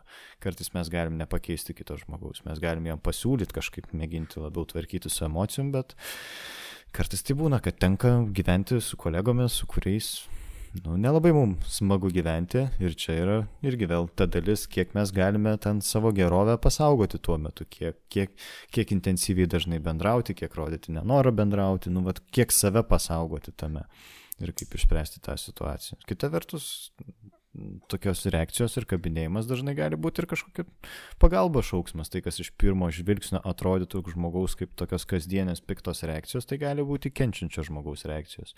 Kai žmogui skauda, žmogus įprastai pyksta. Ir tame galima irgi tokiu susirūpinus žvilgsniu mm, sureaguoti. Ta prasme, kad pabanginti paklausti, ar tau kažkaip labai sunku, šiandien diena sunki, ar tau labai kažkaip gyvenime nesiseka, nu vėlgi, ar su humoru, ar rimtai, ar atjaučiančiai Ta prasme, aš rekomenduočiau pamėginti įvairias alternatyvas, bandant kažkaip koreguoti kolegės reakciją, bet jeigu tas nepavyksta, tai tada galvoti tik apie tai, kaip save pasaugoti ir galbūt tiek, kiek įmanoma atsiriboti nuo kontakto su, su ta kolega ar tuo kolega. Aš turiu draugą, bičiulį, kuris šiaip e, ilgą laiką vienam kabinete dirbo su kolega, kurio nemėgsta ir man būdavo visai smagu kartais paklausyti, kaip jisai naudodavo visokias strategijas, kad nebendrauti su tuo kolega, ten įlysti į kompą, ten galbūt kai ir nėra darbo apsimesti, kad dirbti kažkaip, nesusitikti akių žvilgsnių ir panašiai. Aš gal jau kai kuriuos ir prikuriu, bet, nu, vat net ir tokiais neverbaliniais būdais kartais mes galime kažkaip parodyti, jeigu, aišku, kitas žmogus atreaguoja. Tai, tai aš taip savo spontaniškai. Hmm? Kaip priminė, kai sakai, kad čia yra pagalbos šauksmas, šiek tiek ta žiūrkė, kuri vat, nukresta elektros įbėga ir kitą įkanda. Hmm. Nes gal čia tikrai yra kažkokie, kaip sakai, išvykos būdas kito žmogaus sunkumo, jis vat pasirenka auką ir kandžioje. Yeah tas klasikinis Freudo vaizdelis. Viršininkas apriekia pavaldinį, pavaldinys grįžęs namo apriekia žmoną, žmona apriekia vaiką, o vaikas spyrė katėjai. O katėjai kando žirgį. o žirgį kitai žirgį. Čia aš jau pridėjau. Žodžiu. Jo, tai ką, priešnekėjom šiauriai daug. Šiauriai daug. Jo, tai tikimės, kad informacija buvo vertinga. Ir prieš pabaigą reikia padėkoti mūsų Patreon remėjams. Jo, žinai, bet man tai norisi dar vieną mintį perteikti. Okay. Tokia kaip apibendrinančia. Man tai labai patiko to pačio Hansos Selija pasakymas, kad ne stresas žudo mūsų, o mūsų reakcija į jį. Ta prasme, kad visoje šitoje temoje taip daug yra kalbos ir mes šiandien daug kalbėjom apie patį stresą, aišku, daugiau ir lietėm tuos, nu, vad, buvimo būdus su juo. Ir čia yra, man atrodo, svarbiausia mintis, kurią man norėtųsi užakcentuoti, taip vėliavėlę uždėti, kad streso gyvenime mes niekaip neišvengsim. Nu, tai yra neišvengiama gyvenimo dalis. Ten, kur jo per daug, mes galime jo mažinti, bet kad gyventi be streso neįmanoma. Esminis klausimas yra apie tai, ar aš patiriu ar nepatiriu stresą, ar man tas dalykas kelia ar neke, nekelia streso, bet kaip aš būnu strese kaip aš būnu situacijose, kurios kelia stresą, ką aš darau su savimi, kai aš patiriu stresą, ar aš esu savo pikčiausias teisėjas ar geriausias bičiulis. Jeigu taip supaprastinti, tai tame kontinume tokiam. Tai man kažkaip atrodo, kad svarbiausia į tai kreipti dėmesį.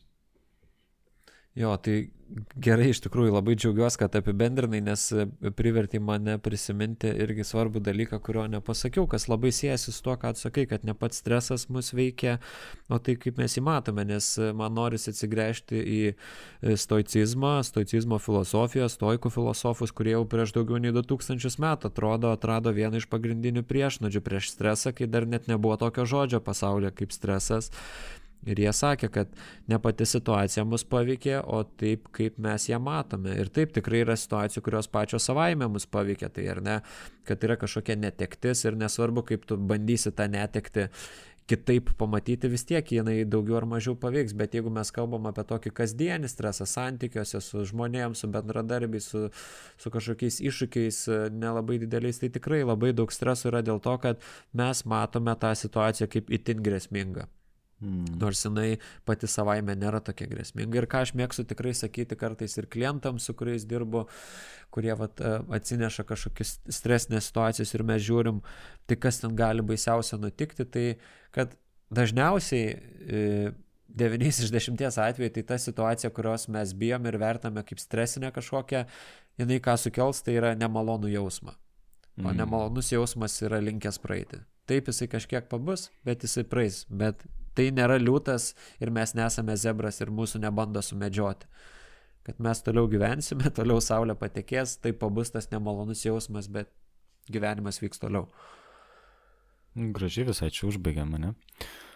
Tai jo, tai nemažai žmonių mus paremė per šitą laikotarpį dėl to mes esame labai dėkingi ir džiaugiamės. Tai dabar norisi juos visus ir išvardinti, kurie paremė mus, mūsų Patreon platformoje. Tai 12 points go to, Lukas Kamarauskas, Povilas, Gediminas Imaška, Kamilė Matskevičiūtė, Karolis Markauskas, Rūta Dzendo Lietaitė, Nerijus, Gerda Harlap Pavičiūtė, Rūta Petrauskaitė, Karina Isacenkova, Edvardas Stabinskas, Antanas Cuk, Julija Alekson... Aleksandrovičianė, e, Aurimas Lenktys, Urtė Karalaitė arba Greito gyvenimo lėti pokalbiai, paklausykite ir jos podcast'o. Indrė Petrauskaitė, Sigita Kaminskienė, Rūta Matukaitė, Matas Misiūnas, Monika Toliusytė, Joana Mats, Iveta Čirbaitė, Karolis Lukšas, Viktorija Smirnovaitė, Viktorija Jakobaitė, Elze Atroškevičiūtė, Davidas Maziliauskas, Eglė Gabrielė Andriuškevičiūtė, Simona, Andrius Butkevičius, Raimundas Lavinskas ir Augustas Bakas. Tai ačiū Jums labai už Jūsų paramą. Džiaugiamės, kad prisijungiate prie mūsų bendruomenės, dalyvaujate aktyviai mūsų kasmėnesiniuose klausimų atsakymų epizoduose. Vėlgi, kas nori taip pat prisijungti, sudalyvauti, galite tapti mūsų remėjais. Ir ką? Iki kitų susitikimų. Ačiū ir iki kitų susitikimų. Viso. thank you